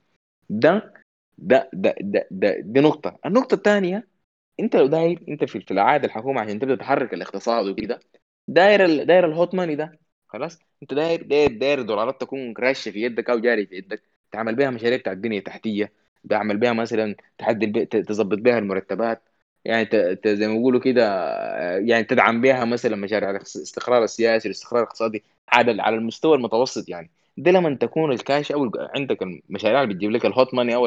أو ال fast income money ده مملوكة ليك يعني. سواء كانت في صورة بتاعت ذهب سواء كانت في صورة بتاعت صادر بتاع ماشية متطورة مثلا مسالخ موضوع زراعة كده. الكلام ده كله ما عندك الآن. خلاص؟ جزء كثير من العبث اللي بيحصل الآن واستقرار وتنازع السياسيين دي وخلافاتهم وكده لو. وجزء من يعني مشكلة الكهرباء والاستثمار في الكهرباء والمحطات حقت الكهرباء. لو بس برضو الحكومة كان عندها ال ال السيطرة على على, الإيرادات حقت حقت القطاعات اللي بتدخل القروش الحية السريعة دي. فدي كانت يعني كان كان جاوزنا المشكلة دي يعني. الناحية الثالثة والنقطة الثالثة اللي بتوريك خطورة خطورة السيطرة دي إنه أنت لو داير تبدأ تتحول اقتصاديا تبدأ تنمو داير تبقى زي الصين داير تبدأ ت- ت navigate يعني ت navigate through through development إنك داير تبدأ تشكل قاعدة صناعية وتبدأ تصدر يعني تصنع زي ما بيقولوا كده وتقلل استيرادك من ال من ال من الحديد ومن العربات ومن الصناعات وكده. الشيء أو ال- الجسم الرئيسي ال- ال- ال- المؤهل لأنه يقود قاطره التصنيع في السودان هو التصنيع الحربي والجيش وشركات الجيش المختلفة. ده ده أكتر أكتر جسم يعني ما ما- ما- ناس دال والجماعة كلهم شغالين شغل بتاع تعبئه أو ما- مواد غذائية وما ادراك وبتاع وكده. لكن تصنيع الحرب ده وصل مرحله إنه بيصنع كلاش بيصنع أسلحة بيصنع طائرات بيجمع حربات القاعدة التصنيعية خلاص؟ القاعدة التصنيعية الحقيقية في البلد دي هي في الجهاد وفي وفي ومملوكة للجيش يعني. فبالتالي حتى من ناحية المستقبل على المدى المتوسط والمدى والمدى البعيد لو داير تخنق تنمية حقيقية ما الآن ال- المؤسسات الرئيسية الداير تنطلق منها هي زي ما بيقولوا كده مملوكة للجيش. فشوف الثلاثة نقاط. النقطة الأولى إنه جانب كثير من الجدل يعني استقرار ميزان المدفوعات وسعر الصرف. لو أنت يعني من الذهب ده كان كافي يعملوا لك. جانب رئيسي من استقرار ال- ال- ال- الاستقرار ال- الاقتصادي والسياسي على المدى ال- على المدى القريب ودعم البنية التحتية ودعم الانتقال الديمقراطي اللي هو كان ممكن تمثله لك ال- جزء برضه من عائدات الذهب بالإضافة لصادرات المسابح والمسالخ والحاجات دي كله برضه ما مملوكة لك. مملوكة بين موزعة بين الدعم السريع وبين الجيش. الحاجة الثالثة جانب رئيسي أو الجزء الرئيسي القاعده التصنيعية الرئيسية اللي ممكن تنطلق منها نحو نحو تحول ديمقراطي حقيقي أو نحول تحول تنموي حقيقي اقتصادي خلاص مملوكة للجيش. فأنت الآن يعني زي ما بيقولوا كده دي حاجة صعبة شديد يعني. يعني دي دي آه الناس دي ماسكين ماسكينك زي ما بيقولوا كده من رقبتك ماسكينك من يدك اللي بتوجعك ماسكينك من أي حاجة. فالملف ده آه أنا أعتقد إنه لو كان حل بطريقة صحيحة خلاص من الأول كان فارق جدا معك في المشهد الاقتصادي. وإلى الآن ما زال هو سؤال قائم حقيقي خلاص. التعاون مع شركات الأمن والجيش على الاقتصاد السوداني ومستقبل الاقتصاد السوداني مستقبل الفترة الانتقالية. دي حاجة خطرة شديد يعني. لكن أنا بس حبيت بالثلاثة نقاط دي حبيت أوري كيف إنه الشركات دي ما بسيطة. يعني أهميتها الاستراتيجية ما بسيطة فيما يتعلق ب ب أنا أديك أبسط مثال. أنا أبسط مثال مترصد وتتبعته بصورة كان موضوع الكورونا فترة الكورونا آه يعني في ظل العبث بتاع الحرية والتفكير وأكرم آه ما عارف آه جاء وما جاء المؤتمر وده عمل شنو وقفل البلد وأفتحوا البلد. أفضل استجابتين كانت لموضوع الكورونا من ناحية السكيل ومن ناحية النوعية. كانوا يشتغلوا فيها الدعم السريع ويشتغلوا فيها الجيش وكانت بتشكل بتشكل زي ما بيقولوا كده يعني بيظهر فيها نشاطهم الاقتصادي. الدعم السريع لأنه كان عندهم موارد دولار حي جاي من الذهب وجاي من الماشيه بتاعتهم يصدروها من الزراعة. كانوا الزول الزول هسه داير يتأكد يرجع فترة الكورونا في من شهر. من شهر أبريل يواصل كده أبريل السنة اللي فاتت لغاية شهر 10 يرجع صفحة صفحة الدعم السريع. الناس دي كانوا بمعدل كل يومين بيرسل قافله بتاعت معقمات وأدوات صحية وأدوات طبية للأرياف. كل قافلة من 10 تاتشرات ولا 20 تاتشر بيمشوا. لو بتتذكروا برضه موضوع الأطباء حميدتي عمل له promotion video الناس لو الناس اللي معايا هنا إن شاء الله يكونوا متذكرين إنه جو وقف كده وكرم الأطباء والجيش الجيش الأبيض عمل promotion video يعني دق لهم التحية العسكرية برضه. ودق لهم التحية العسكرية كده كان قادر يعمل الشغل ده لأنه يعني كان كان قطاعاته الاقتصادية شغال فيها كان دولار حي. في المقابل خلاص الجيش الجيش كان شغال حاجات very strategic الفكرة بتاعت ال drones بتاعت التعقيم تطوير أجهزة بتاعت التنفس زي ما بيقولوا كده محلية الصنع. ما عارف أدوات يعني عربات بصورة معينة مجهزة مثلا ب يعني كده أدوات وقاية وكده ما أدري. كل المعالجه التكنولوجيكلي أو التكنولوجية أو أو التصنيعية للكورونا أو الحلول الحلول زي دي كلها كانت جت جت من الجيش. فاللحظة لحظة الكورونا دي كانت لحظة كاشفة. كيف انه الاثنين ديل بسبب يعني اختلاف قاعدتهم الاقتصادية كانوا قادرين يوفروا استجابة لكن استجابة يعني يعني ولك والزول لو دار تشوف الأثر يتخيل إنه الحاجتين ديل كانوا في يد في يد الحكومة السودانية في يد الحكومة المدنية. قروش بتقدر تعمل به خدمات و promotion وتوصل تعقيمات ومعقمات وما أدري وفي نفس الوقت صناعية عقل تصنيعي مدبر يبدأ يفكر في إنه يتعاملوا مع الموضوع ده كيف؟ كيف يصنعوا أجهزة تنفس ما عارف أسطوانة اكسجين بتكنولوجيا معينة وكده. فبس أنا حاليا بقول إنه الشركات تغول الاثنين دي في الاقتصاد. ما حاجة الناس بتقولها بس عشان إنه يعني تزايد بها وكده. لكن حاجة مهمة جدا في في الإصلاح الاقتصادي الحالي خلاص والمستقبلي في السودان يعني. طيب أنت برضه يا خالد بتنتقد الحكومة بإنها من الجانب من جانب ما ما بتضايق شركات الأمن دي في في شركاتها دي أو المؤسسات الأمنية بشكل عام. وبدل من الحاجة دي بتمشي تلجأ للمؤسسات الدولية يعني الخواجات زي ما أنت بتسميهم. فالحاجة دي يعني خطورتها وين؟ يعني إنه الحكومة تلجأ لصندوق النقد ولا البنك الدولي والروشتات بتاعتهم يعني زي ما بيقولوا.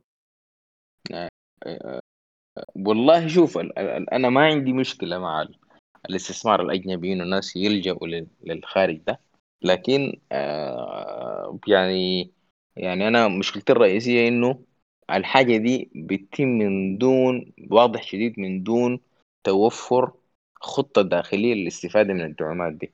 كل الدول اللي استفادت من ال من ال من ال ال بيسموها ال foreign direct investment أو ال أو ال official development assistance أو غيرها كانت بيكون عندها already استراتيجية وطنية أو خطة وطنية خلاص؟ ولما تجي القروش دي بيقوموا يوظفوها بطريقة معينة.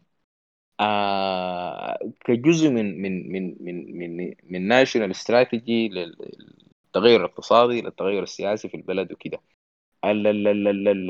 الحاصل في السودان للأسف إنه تحس إنه الحياة الناس دايرين قروش بس. لكن ما في ما في استراتيجية وطنية مثلا لأنه مثلا آه يتم التعامل مثلا مع الدعم ده يتم توظيفه كيف؟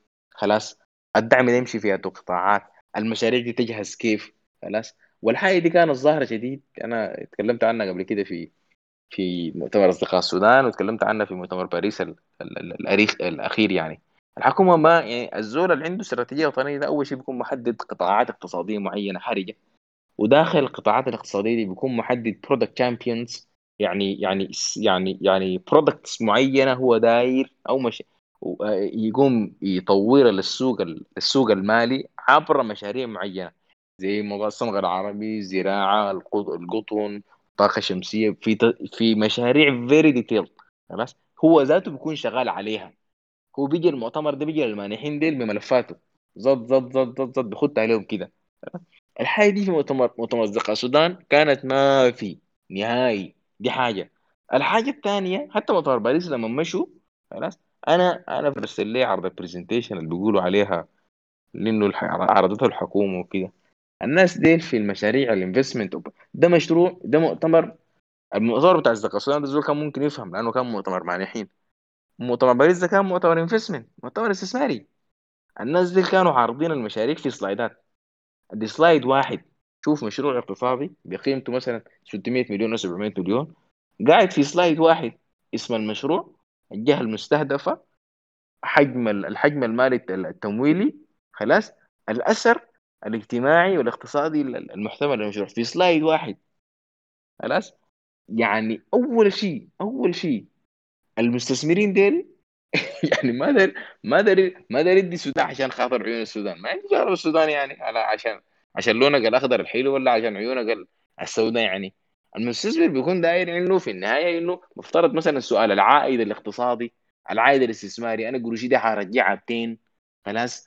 آه يعني التفاصيل المتعلقة مثلا بال risk matrix ال mitigation measures مثلا لل risk الم... يا أخي أنا أنا كنت بشوف مشاريع اقتصادية وأنا أنا نفسي يعني كنت بشتغل في مشاريع اقتصادية مثلا كم كزول technical كموظف يعني. المشروع بيكون قيمته مثلا نقول 5 مليون دولار ولا 10 مليون دولار بيتقدم له وثيقة قريبه من 100 صفحة. تفصيل المشروع ده شنو؟ حيشتغل شنو؟ حيعمل شنو؟ فئة ال sector فئة قطاع المدة الزمنية ال component شنو؟ حيشتروها من وين؟ المشتريات المشتريات أو المشتريات ال procurement process شنو كده. ما ممكن يعني ما ممكن مشاريع. خلاص مشروع مثلا بقيمة 150 مليون ولا ولا 600 مليون دولار تعرض ليه في slide أنت ما جادي بس يعني. يعني بس أنت ما جادي أنت ما جادي في الشغل بتاعك ده يعني. ف واحدة من المفارقات الكبيره اللي بتوريك الكلام ده إنه يا أخي حتى اللي هنا يا أخي حتى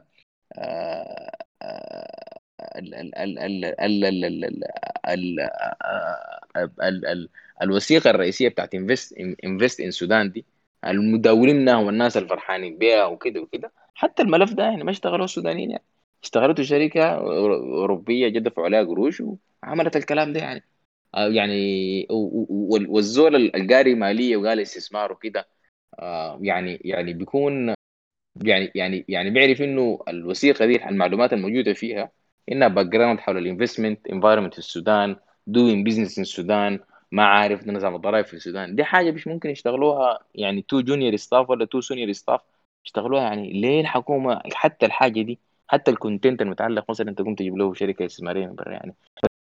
الكلام ده كله مؤشرات لإنه الحكومة يعني الشغل الداخلي بتاعها ما شغالاه خلاص؟ يعني أنا ما عندي مشكلة إنك تمشي تجيب استثمار من برا. لكن المشكلة الرئيسية إنه أنت لما تمشي برا وما يكون عندك تصور واضح. القروش دي هتستخدمها في شنو؟ ببساطة الكلام ده حيكون باب لمزيد من المديونية وما حيك... وما حيحقق وما حيحقق يعني طفرات اقتصادية. أخونا مرسي كده في أنا اول يا دوب انتبه لل... لل... للتعليقات. قال كده حاجة كده إيجابية ما في من الحوار المحاور المحبطه دي ما في. ولا يعني أو يعني. بيسألك يا مهتدي يا مهتدي أنا أنا حقوم حمشي طوالي عشان أنا داير أسمع من الناس. أنا أنا already كده جريت ساعة ونص يعني. طيب أنا آه، الحقيقة الم... آه، بس آخر حاجة ممكن آه، نتكلم فيها هي ال- الإصلاح السياسي. أيوه. الأخير لأنه أيوه. هو اخذ أيوه. زمن كبير الناس. أيوه. أيوه. أيوه. أيوه. فيلا واحدة من أنا داير. اتفضل يا خالد. تفضل لا لا تفضل تفضل أنت تفضل طيب ال- قالك في الموضوع المايك السياسي ده كنت عايز أسألك من ال- من واحدة من أكثر الحاجات اللي ممكن نكون كلنا لاحظنا عليها إنه ال- الحكومة دي مما مما تشكلت يعني أو مما بدينا المرحلة الانتقالية دي هي هو اللي تكون مجلس السيادة مجلس الوزراء في الحاضن السياسي ده. والناس ال أي واحد طلع من أي واحد من الهياكل الموجودة دي آآ مثلًا زي الأستاذة عائشة موسى لمّا طلعت من آه، مجلس السيادة والّا الوزراء اللي غادروا يعني في السنة اللي فاتت في التعديل الوزاري، أو حتى الناس اللي طلعوا من من داخل الحاضن السياسي، يعني سواء كانت التجمع المهنيين والحزب الشيوعي، دايمًا بيشتكوا من ال البيئة السياسية المنفّرة من آه، في جوا المناخ السياسي السوداني ده. ف وده يمكن يعني واحد من الحاجات اللي خلّتنا نعمل آه، براح يعني إنه حتى ممكن نكون جزء مننا لمس لمس على المستوى الشخصي إنه يكون بيتون بيتكلم أو بيناقش الناس في في ال social media المختلفة، وبيلاقي يعني إنه ال التعاطي بيكون م مبني على ال الهجوم الشخصي أو ال المزايدات أو ال أيًا كان يعني من أشكال ال البيئة السياسية غير الصحية. فالحاجة دي هل ممكن نعتبرها واحدة من أكبر مهددات ال التحول الديمقراطي عندنا؟ إنه الناس تزهق من ال من ال الحوار المدني ده، وتقول يا أخي خلّيه يمسكها يمسكها عسكري ونخلص من الفوضى دي. صح صحيح صحيح أنا يعني ما هو هو هو شوف هو أنت لو لاحظت يعني يعني أنا بس عشان عشان عشان يعني ال... عشان برضه اخذ جانب من السياق بتاع أنا والله يا جماعة أنا ما داير أنا ما داير اقنعك يا مرسي ويا ويا بكري. آه، والشباب اللي قاعدين هنا يعني إنه الموضوع ده ما فينا لكن أنا داير أنا داير نحن نحلل بصورة جاد اللي بيحصل في السودان ده. خلاص؟ يعني بحيث إنه نصل نصل نصل نصل ل يعني الزول الزول لما يفهم حدود ال يعني المشهد بصورته الحقيقية خلاص؟ يعني بيعرف بيعرف إنه بيعرف بيعرف يتعامل معه بالشكل الصحيح. يعني في ثورة الناس ضحت فيها. يعني الثورة دي ما نجحت. يعني لو لو لو لو لو, رجعنا شفنا الحياة الإيجابية ال- ال- ال- لما لقيت الثورة دي أنا زي ما قلت مثلا إنه أعتقد يعني المقاومة دي هي أفضل إضافة تاريخية عملتها ثوره ديسمبر مثلا التاريخ السياسي السوداني. أكثر من القحات وأكثر من إسقاط البشير ذاته. خلاص؟ آه الحاجة ال- الثورة دي نجحت عشان كانت فضاء مفتوح شاركوا فيه كل الناس. خلاص؟ وبدينا نبدأ نصل مرحلة الفشل دي لما الفضاء ده أغلق على مجموعات معينة. خلاص؟ آه والمجموعات المعينة دي للأسف بدت بدت زي ما أنت قلت يا مهتدى بدت بدأت تقوم. الحاجة اللي كانت الحياة اللي كانت بتجمعنا آه بقت ما مركزة عليها وبقت مركزة على الحياة اللي بتفرقنا يعني. الخلاف بقت مركزة بصورة رئيسية. القيادة السياسية بدل ما تقوم تجمع الناس جانب رئيسي بدأ يدور موضوع الاستقطاب وما الاستقطاب و... و... وأنا بعرف ناس كمية يعني. أنا حتى أنا كخالد نفسي كنت كنت لفتره طويلة جدا شايد ضد خط الاستقطاب ده. والناس مفترض ترخي زي تخوض الكوره في الوسط وتركز على دعم الانتقال الديمقراطي وكده. لكن كل مرة الحكومة بقوانين المختلفة بتصريحات المستفزة بكده بكده تحس إنه الناس دي ما يعني ما يعني يعني بيأججوا بس في النار حقت الاستقطاب دي يعني. عرفت؟ فأنا أنا أنا من السؤال بتاع من السؤال يعني أنا بس دي, دي, دي يعني بعد ذاك برضه الفكرة بتاعت التنمر المستمر آه بل ال- ال- ال- اللي بيحصل مثلا من ال يعني اللي هي ظلال الاستقطاب ذاته لما الاستقطاب لما انشد الحاجة كانت بتلم الناس في في السودان في فترة الثورة وت- وتعاطف الناس باختلاف توجهاتهم وكده. وتركيزهم على ما يجمعهم يعني. يعني أنا أعتقد إنه ناس فترة الثورة ما كانوا ما ما دخلوا حالة بتاعت ما كانوا عارفين هم مختلفين. لكن كانت كانت استراتيجية جيدة للعمل على الحد الأدنى المشترك من العمل. إن الناس كانوا متفقين على انه البشير ده مفترض يسقط. ذاك نشوف الحاصل شنو. الحاجة دي آه ولحسن الحظ نحن اتفقنا في الحاجة دي مع الاتيار مع مع, القوى السياسية. لكن أول ما أول ما أول ما الحاجة دي اختفت البشير اختفى الهدف الموحد ده اختفى آه العمل المشترك بدأت ال- والقيادة السياسية اللي هو فكر فكرة نهضة السودان تقتضي بالضرورة مشاركة كمية واسعة من الناس في القرار السياسي ومشاركتهم ومحاسبة النخبة السياسية الحاكمة وكده. أول ما الهدف ده بدأ يتطرح الكلام ده ضد مثلا مصالح مصالح الطبقة السياسية أو النخبه السياسيه الحاكمة. طوالي بدأت تقوم تقوم تجيب الحياة اللي بتفرق الناس و... وال... والنع... يعني والنعرات المختلفة والاستقطاب السياسي والأيديولوجي وكده بدأت الحياة دي تدور. الحياة دي لما دورت ألقت بظلالها طوالي على على يعني نحن ذاتنا نحن ذاتنا كمواطنين كناس كانوا كانوا مثلا مشاركين في الثورة بدوا بعد ذاك يقوموا يحاربوا بعض في استقطاب حاد شديد مثلا. يعني يعني يعني أنت تستغرب والله في ال social media دي ناس انت ما قابلتهم ذاته يعني وأنت ما عملت لهم أي حاجة في الدنيا دي لمجرد إعلانك لمواقف فكرية سياسية معينة آه يعني تلقى قدرة عالية جدا على التنمر عليك على يعني وصفك بأوصاف يعني بأوصاف يعني ومحاولات جادة لاغتيال فئات تانية مخالفة ليك وكده. فأنا أعتقد إنه إنه إنه إنه ده دي الكورة الدايرة قحط أو الدايرة نخبه سياسيه تخلينا نلعبها. ودائما كل ما يعني مثلا زي اللي حصل مؤخرا يعني. يعني مرروا رفع الدعم بصورة كاملة. خلاص؟ يعني وفي مشاكل في مشكلة حقيقية كبيرة. يقوم يعملوا شنو؟ يباصوا لك باص بتاع لجنة التمكين ومشاكلها مع جبريل. يا أخي أنا مالهم لجنة التمكين وجبريل. إن شاء الله يتكافئوا بي يتضاربوا بيناتهم. أنا عندي مشكلة حقيقية إنه موضوع رفع الدعم ده. أنا عندي تساؤلات. أنا كمجتمع عندي تساؤلات. انت عملت شنو؟ وين ثمرات بتاعك ده؟ فعلت شنو؟ حيشتغل بيتين حنعمل شنو؟ كده. في أسئلة رئيسية. انت بتقوم شنو بي الحكومة مفتح جدا قمت موضوع رفع الدعم ده موضوع كبير. فكت معاه موضوع جبريل ولجنة التمكين. خلاص؟ زي الكلام الفارغ اللي كان حاصل بين مناع وبين البرهان. خلاص؟ وفكت معاه برضه مع التصريحات بتاعت أمل هباني دي ما عارف. وعرسي وما عرسي فوق. ومين الكلام الكلام ده؟ الفكرة بتاعت تشتيت الكورة المستمرة دي خلاص دي يعني وخلق وخلق يعني يعني دوائر ترندات مختلفة بتغذي بصورة رئيسية الاستقطاب آه يعني يعني يعني دي الكورة اللي عايزة النخبة السياسية الناس يلعبوا عليها. الحاجة الصح إنه الناس ما تمشي تلعب في الملعب ده. تمشي بعد ذاك الملعب الثاني اللي هو اللي عايزين اللي هو عايزين نقحت ما تطالب به هو البصوره الرئيسيه إنه أنا أكون أنا كفاعل اجتماعي باختلاف توجهاتي باختلاف أشكال التنظيم بتاعت المجتمع سواء كانت نقابة تعاونية جمعية ثقافية لوبي جماعة ضغط مركز أبحاث كده داير عيد أو ساهم في تشكيل القرار السياسي. ده مفترض يكون ال... دي, دي, دي تكون زي ما بيقولوا كده فكرتي المدخل للإصلاح ال... آه، يعني الاصلاح الإصلاح السياسي خلاص؟ وأنا ما أنا أنا طبعا كتبت في عدة بوستات بتكلم عن أنا طبعا بدعو لانتخابات عديدة يعني. لكن لكن يعني يعني أنا أعتقد عشان أنا عشان أختم أختم كلامي ده وأسمع من الناس لأنه أنا كده يعني بريت بري شديد جدا آه ساعة و50 دقيقة.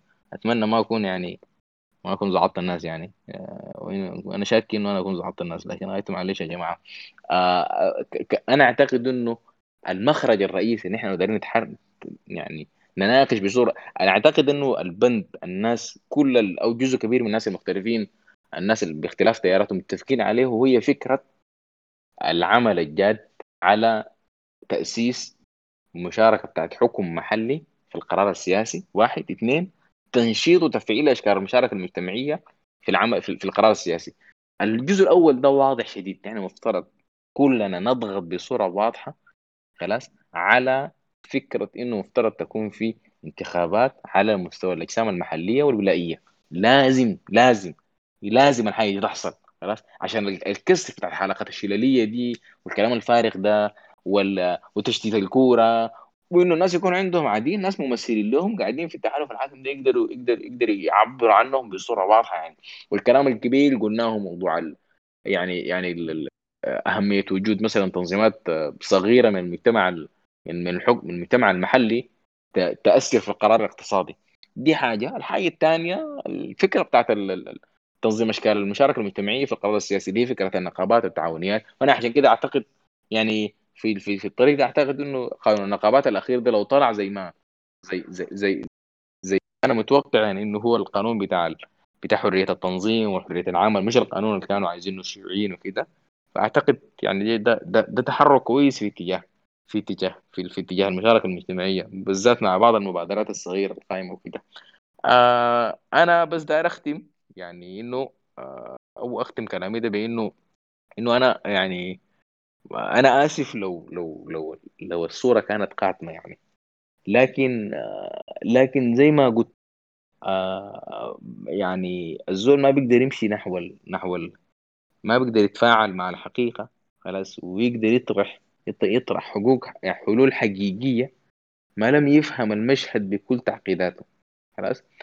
آه جرامشي دائما بيقول إنه الاقتصاد السياسي محبط. خلاص؟ فعشان كده أنت بتح- تعتمد على الاقتصاد السياسي في تحليلك. لكن في استراتيجيات عملك ما بتحتكم للاقتصاد السياسي. لأنه التاريخ ما غيروه ناس بيحللوا الأوضاع القائمة وبيقعدوا. خلاص؟ لكن. يعني غيروه ناس بينظروا. لتعقيد الاوضاع ال- القائمة دي وبشوفوا نقاط حقت مداخل حقت تأثير حقيقية يعني زي ما قلت لك هسي مثلا لو لو مسكت من بداية الكلام بتاعنا الفكرة بتاعت الاقتصاد السياسي الكلي بعد ذاك الإصلاح المدني بعد ذاك الإصلاح الاقتصادي بعد ذاك الاصلاح السياسي هتلقى إنه الجذر الرئيسي خلاص في المعادلة دي كلها فكره مشاركة المجتمع السوداني في القرار السياسي وإنه لو قدرت مثلا تحدث اختراقات في الموضوع ده عبر حاجة متفقين الناس عليها. مثلا زي الحكم المحلي. أنا أنا عشان كده ما حتكلم عن انتخابات أنا كنت بت... أنا أنا في على المستوى الشخصي وفي صفحتي الشخصية كنت بدعو لانتخابات عامه بخطة معينة مدة سنتين وكده. لكن خلينا من الكلام ده.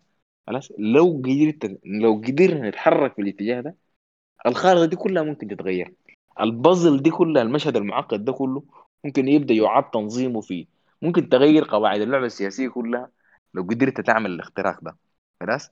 أنا كلامي المحبط ده كله لكن بيديك الصورة خلاص؟ وبيوريك إنه مداخل فعلية للتركيز عليها ممكن تحدث أثر حقيقي خلاص؟ وبالتالي وبالتالي وبالتالي آه، وبرضه يعني يعني مش مش وبالتالي ال- الثمرة الثانية للتحليل الموسع ده وال- والمحبط ده كله إنه بيوريك إنه في جزء من الحلول فارغة الزول ما بيشتغل بها.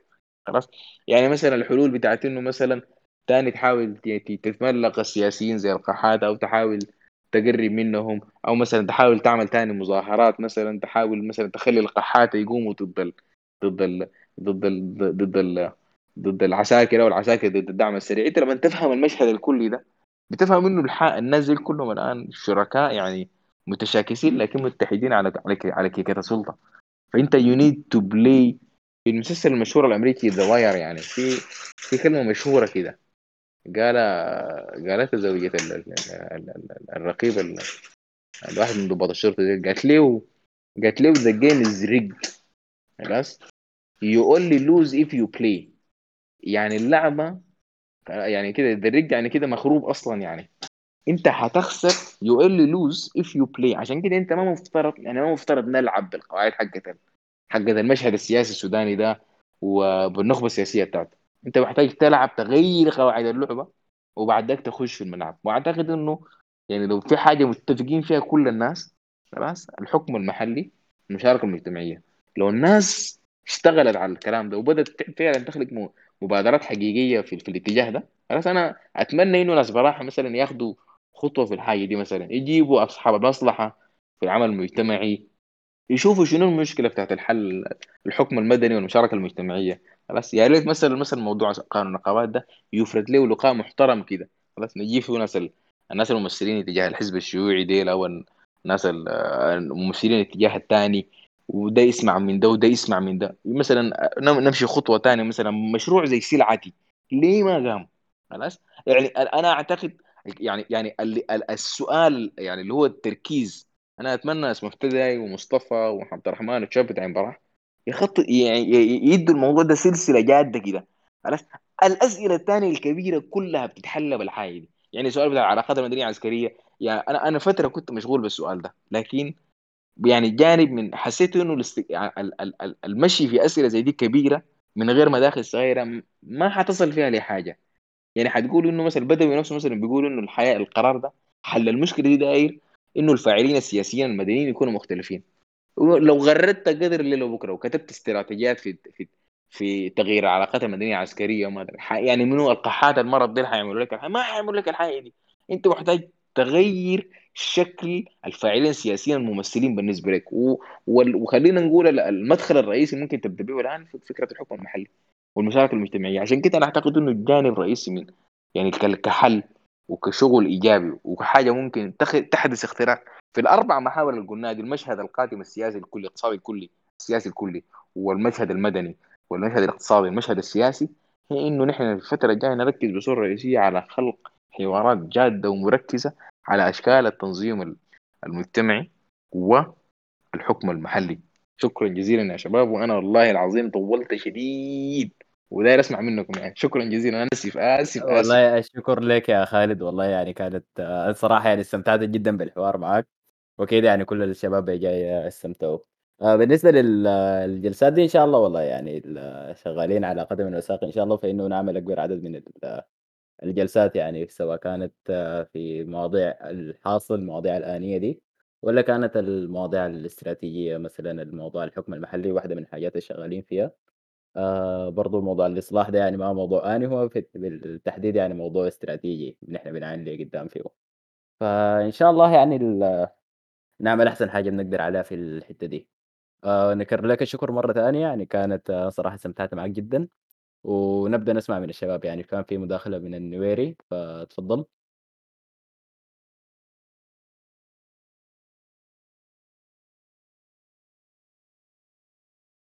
بس سامعني ولا لا؟ آآ مسموع. الله يسلمك. طيب السلام عليكم يا شباب آه، مساكم الله بالخير والحاجة الأولى آه، يعني المداخلة بتاعت الشاب اللي قبل شوية ده كانت جميلة جدا جدا وحابب بس أنا يعني أبدأ الموضوع باختصار شديد في نقطة معينة. أنا واحد من الناس أؤمن جدا جدا إنه الإصلاح الاقتصادي مربوط تماما بالاستقرار السياسي. بمعنى إنه ما في حيكون دولة ذات اقتصاد معتمد على نفسها أو دولة منتجة أو ما نقول أحلام الصين ولا اليابان. لكن كدولة طبيعية عادية ما ممكن يكون فيها اقتصاد ما لم يكون فيها استقرار سياسي. ف ال... يعني الاستقرار السياسي ده عنده ثلاثة مكونات. المكون الأول يكون في حكومة مستقرة ويكون في جهة ممثلة للشعب ويكون في رؤية واضحة للقوانين. يعني مش قوانين مسلوقة وفي شخص مستعد إنه يغير القانون بناء على حزب أو بناء على إنه هو يملك السلطة لذلك.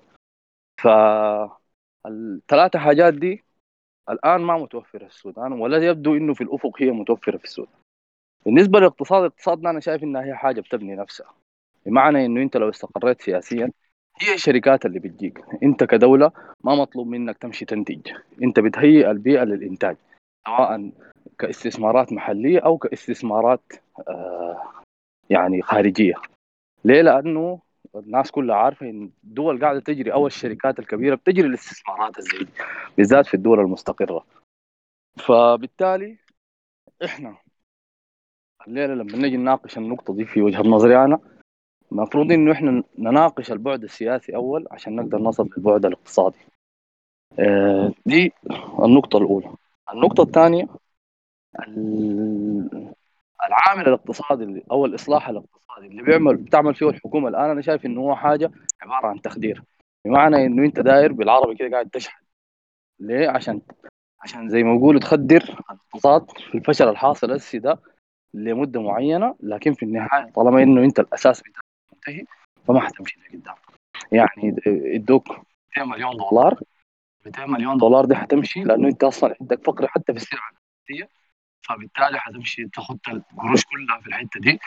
الحاجة الثانية معلش يعني يمكن الحاجة دي بتزعل الناس كثير. لكن أنا ما شايف أصلا دور الحكومة الحالية دي الانتقالية. إن هي تعمل لي أي حاجة من الملفات من الملفات دي ما لم يكون خدت في اعتبار إنه الهدف الأول هي انتقالي. يعني أنا ما داير زول تحاسبه لي السي ليه ما داير تحاسبه؟ أنا شايف إنه أنا لما يكون عندي ممثلين من الشعب في برلمان في جهة بغض النظر عن هي شنو أه بشوف إنه الحاجة دي بعدين يعني ممكن تتأجل. أه ما تروح تقول لي لجنة تمكين وزي ما قال قبل شوي الشاب تخدرني بلجنة تمكين وأنا تصرفني أنا على المواضيع الأساسية. وشكلها مع وزير المالية ومرة قبضنا فلان ومرة والله زيرو فساد فيها ما عارف شنو. وتدير لي بلد بال يعني بال زي ما بيقولوا بال بالواتساب يعني يعني بالشمارات اللي أنا شايفه يعني في السودان حاليا راس أنت ما قاعد تعمل في خطوات الخطوات دي تبين لي حقيقة إنك أنت ماشي على استقرار سياسي والدليل إنه كل مرة في شكله جديده مرة والله الحلو قال والله مرة حميتي أبا والله مرة الحزب الشيوعي زعلان ومن أيام الصادق الله يرحمه إحنا ما دايرين معاكم والله إحنا دي ما الحياة طلعنا لها يعني في النهاية ده ما ده ما وجه من يعني انت البيزك تاسك بتاعك انت كحكومة انتقالية انك انت تصل بين الاستقرار السياسي المنشود.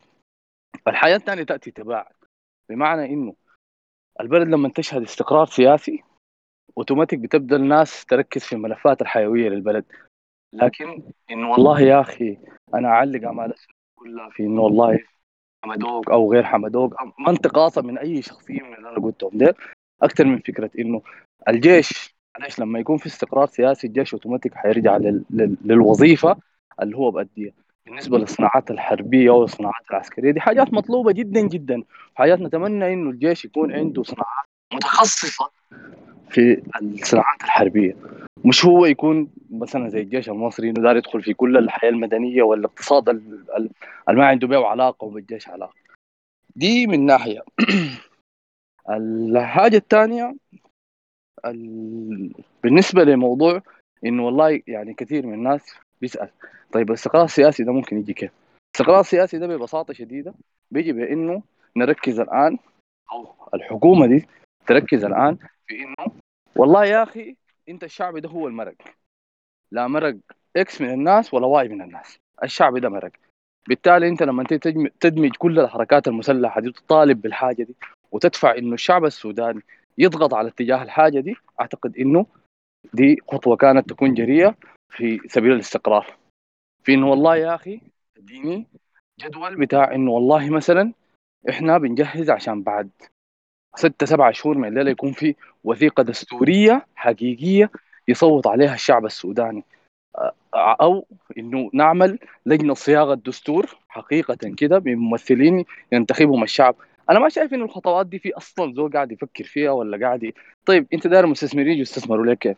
أنت الشخص الداري يديك يديك ده داير يديك حسنة لكن ما في إنسان عاقل عنده قروش ممكن يجي يستثمر لك في وضع زي ده ليه؟ لأنه ببساطة شديدة أنت حتى لو تبدو ممثل للشعب لكن أنت حقيقة ما في ما يثبت إنك أنت ممثل للشعب أعتقد إنه يعني كل الفكرة أنا دار أوصلها هي بتصبو في الاتجاه بتاع إنه الاقتصاد ال- ال- الاقتصاد عموما بيعتمد اعتماد كامل على إنه أنا كدولة أو كشخص كشركة كجهة عندي أملك مال إنه أنا ما بجللها أستثمر دولار واحد في بلد أنا ما عارف ممكن يحصل فيه شنو.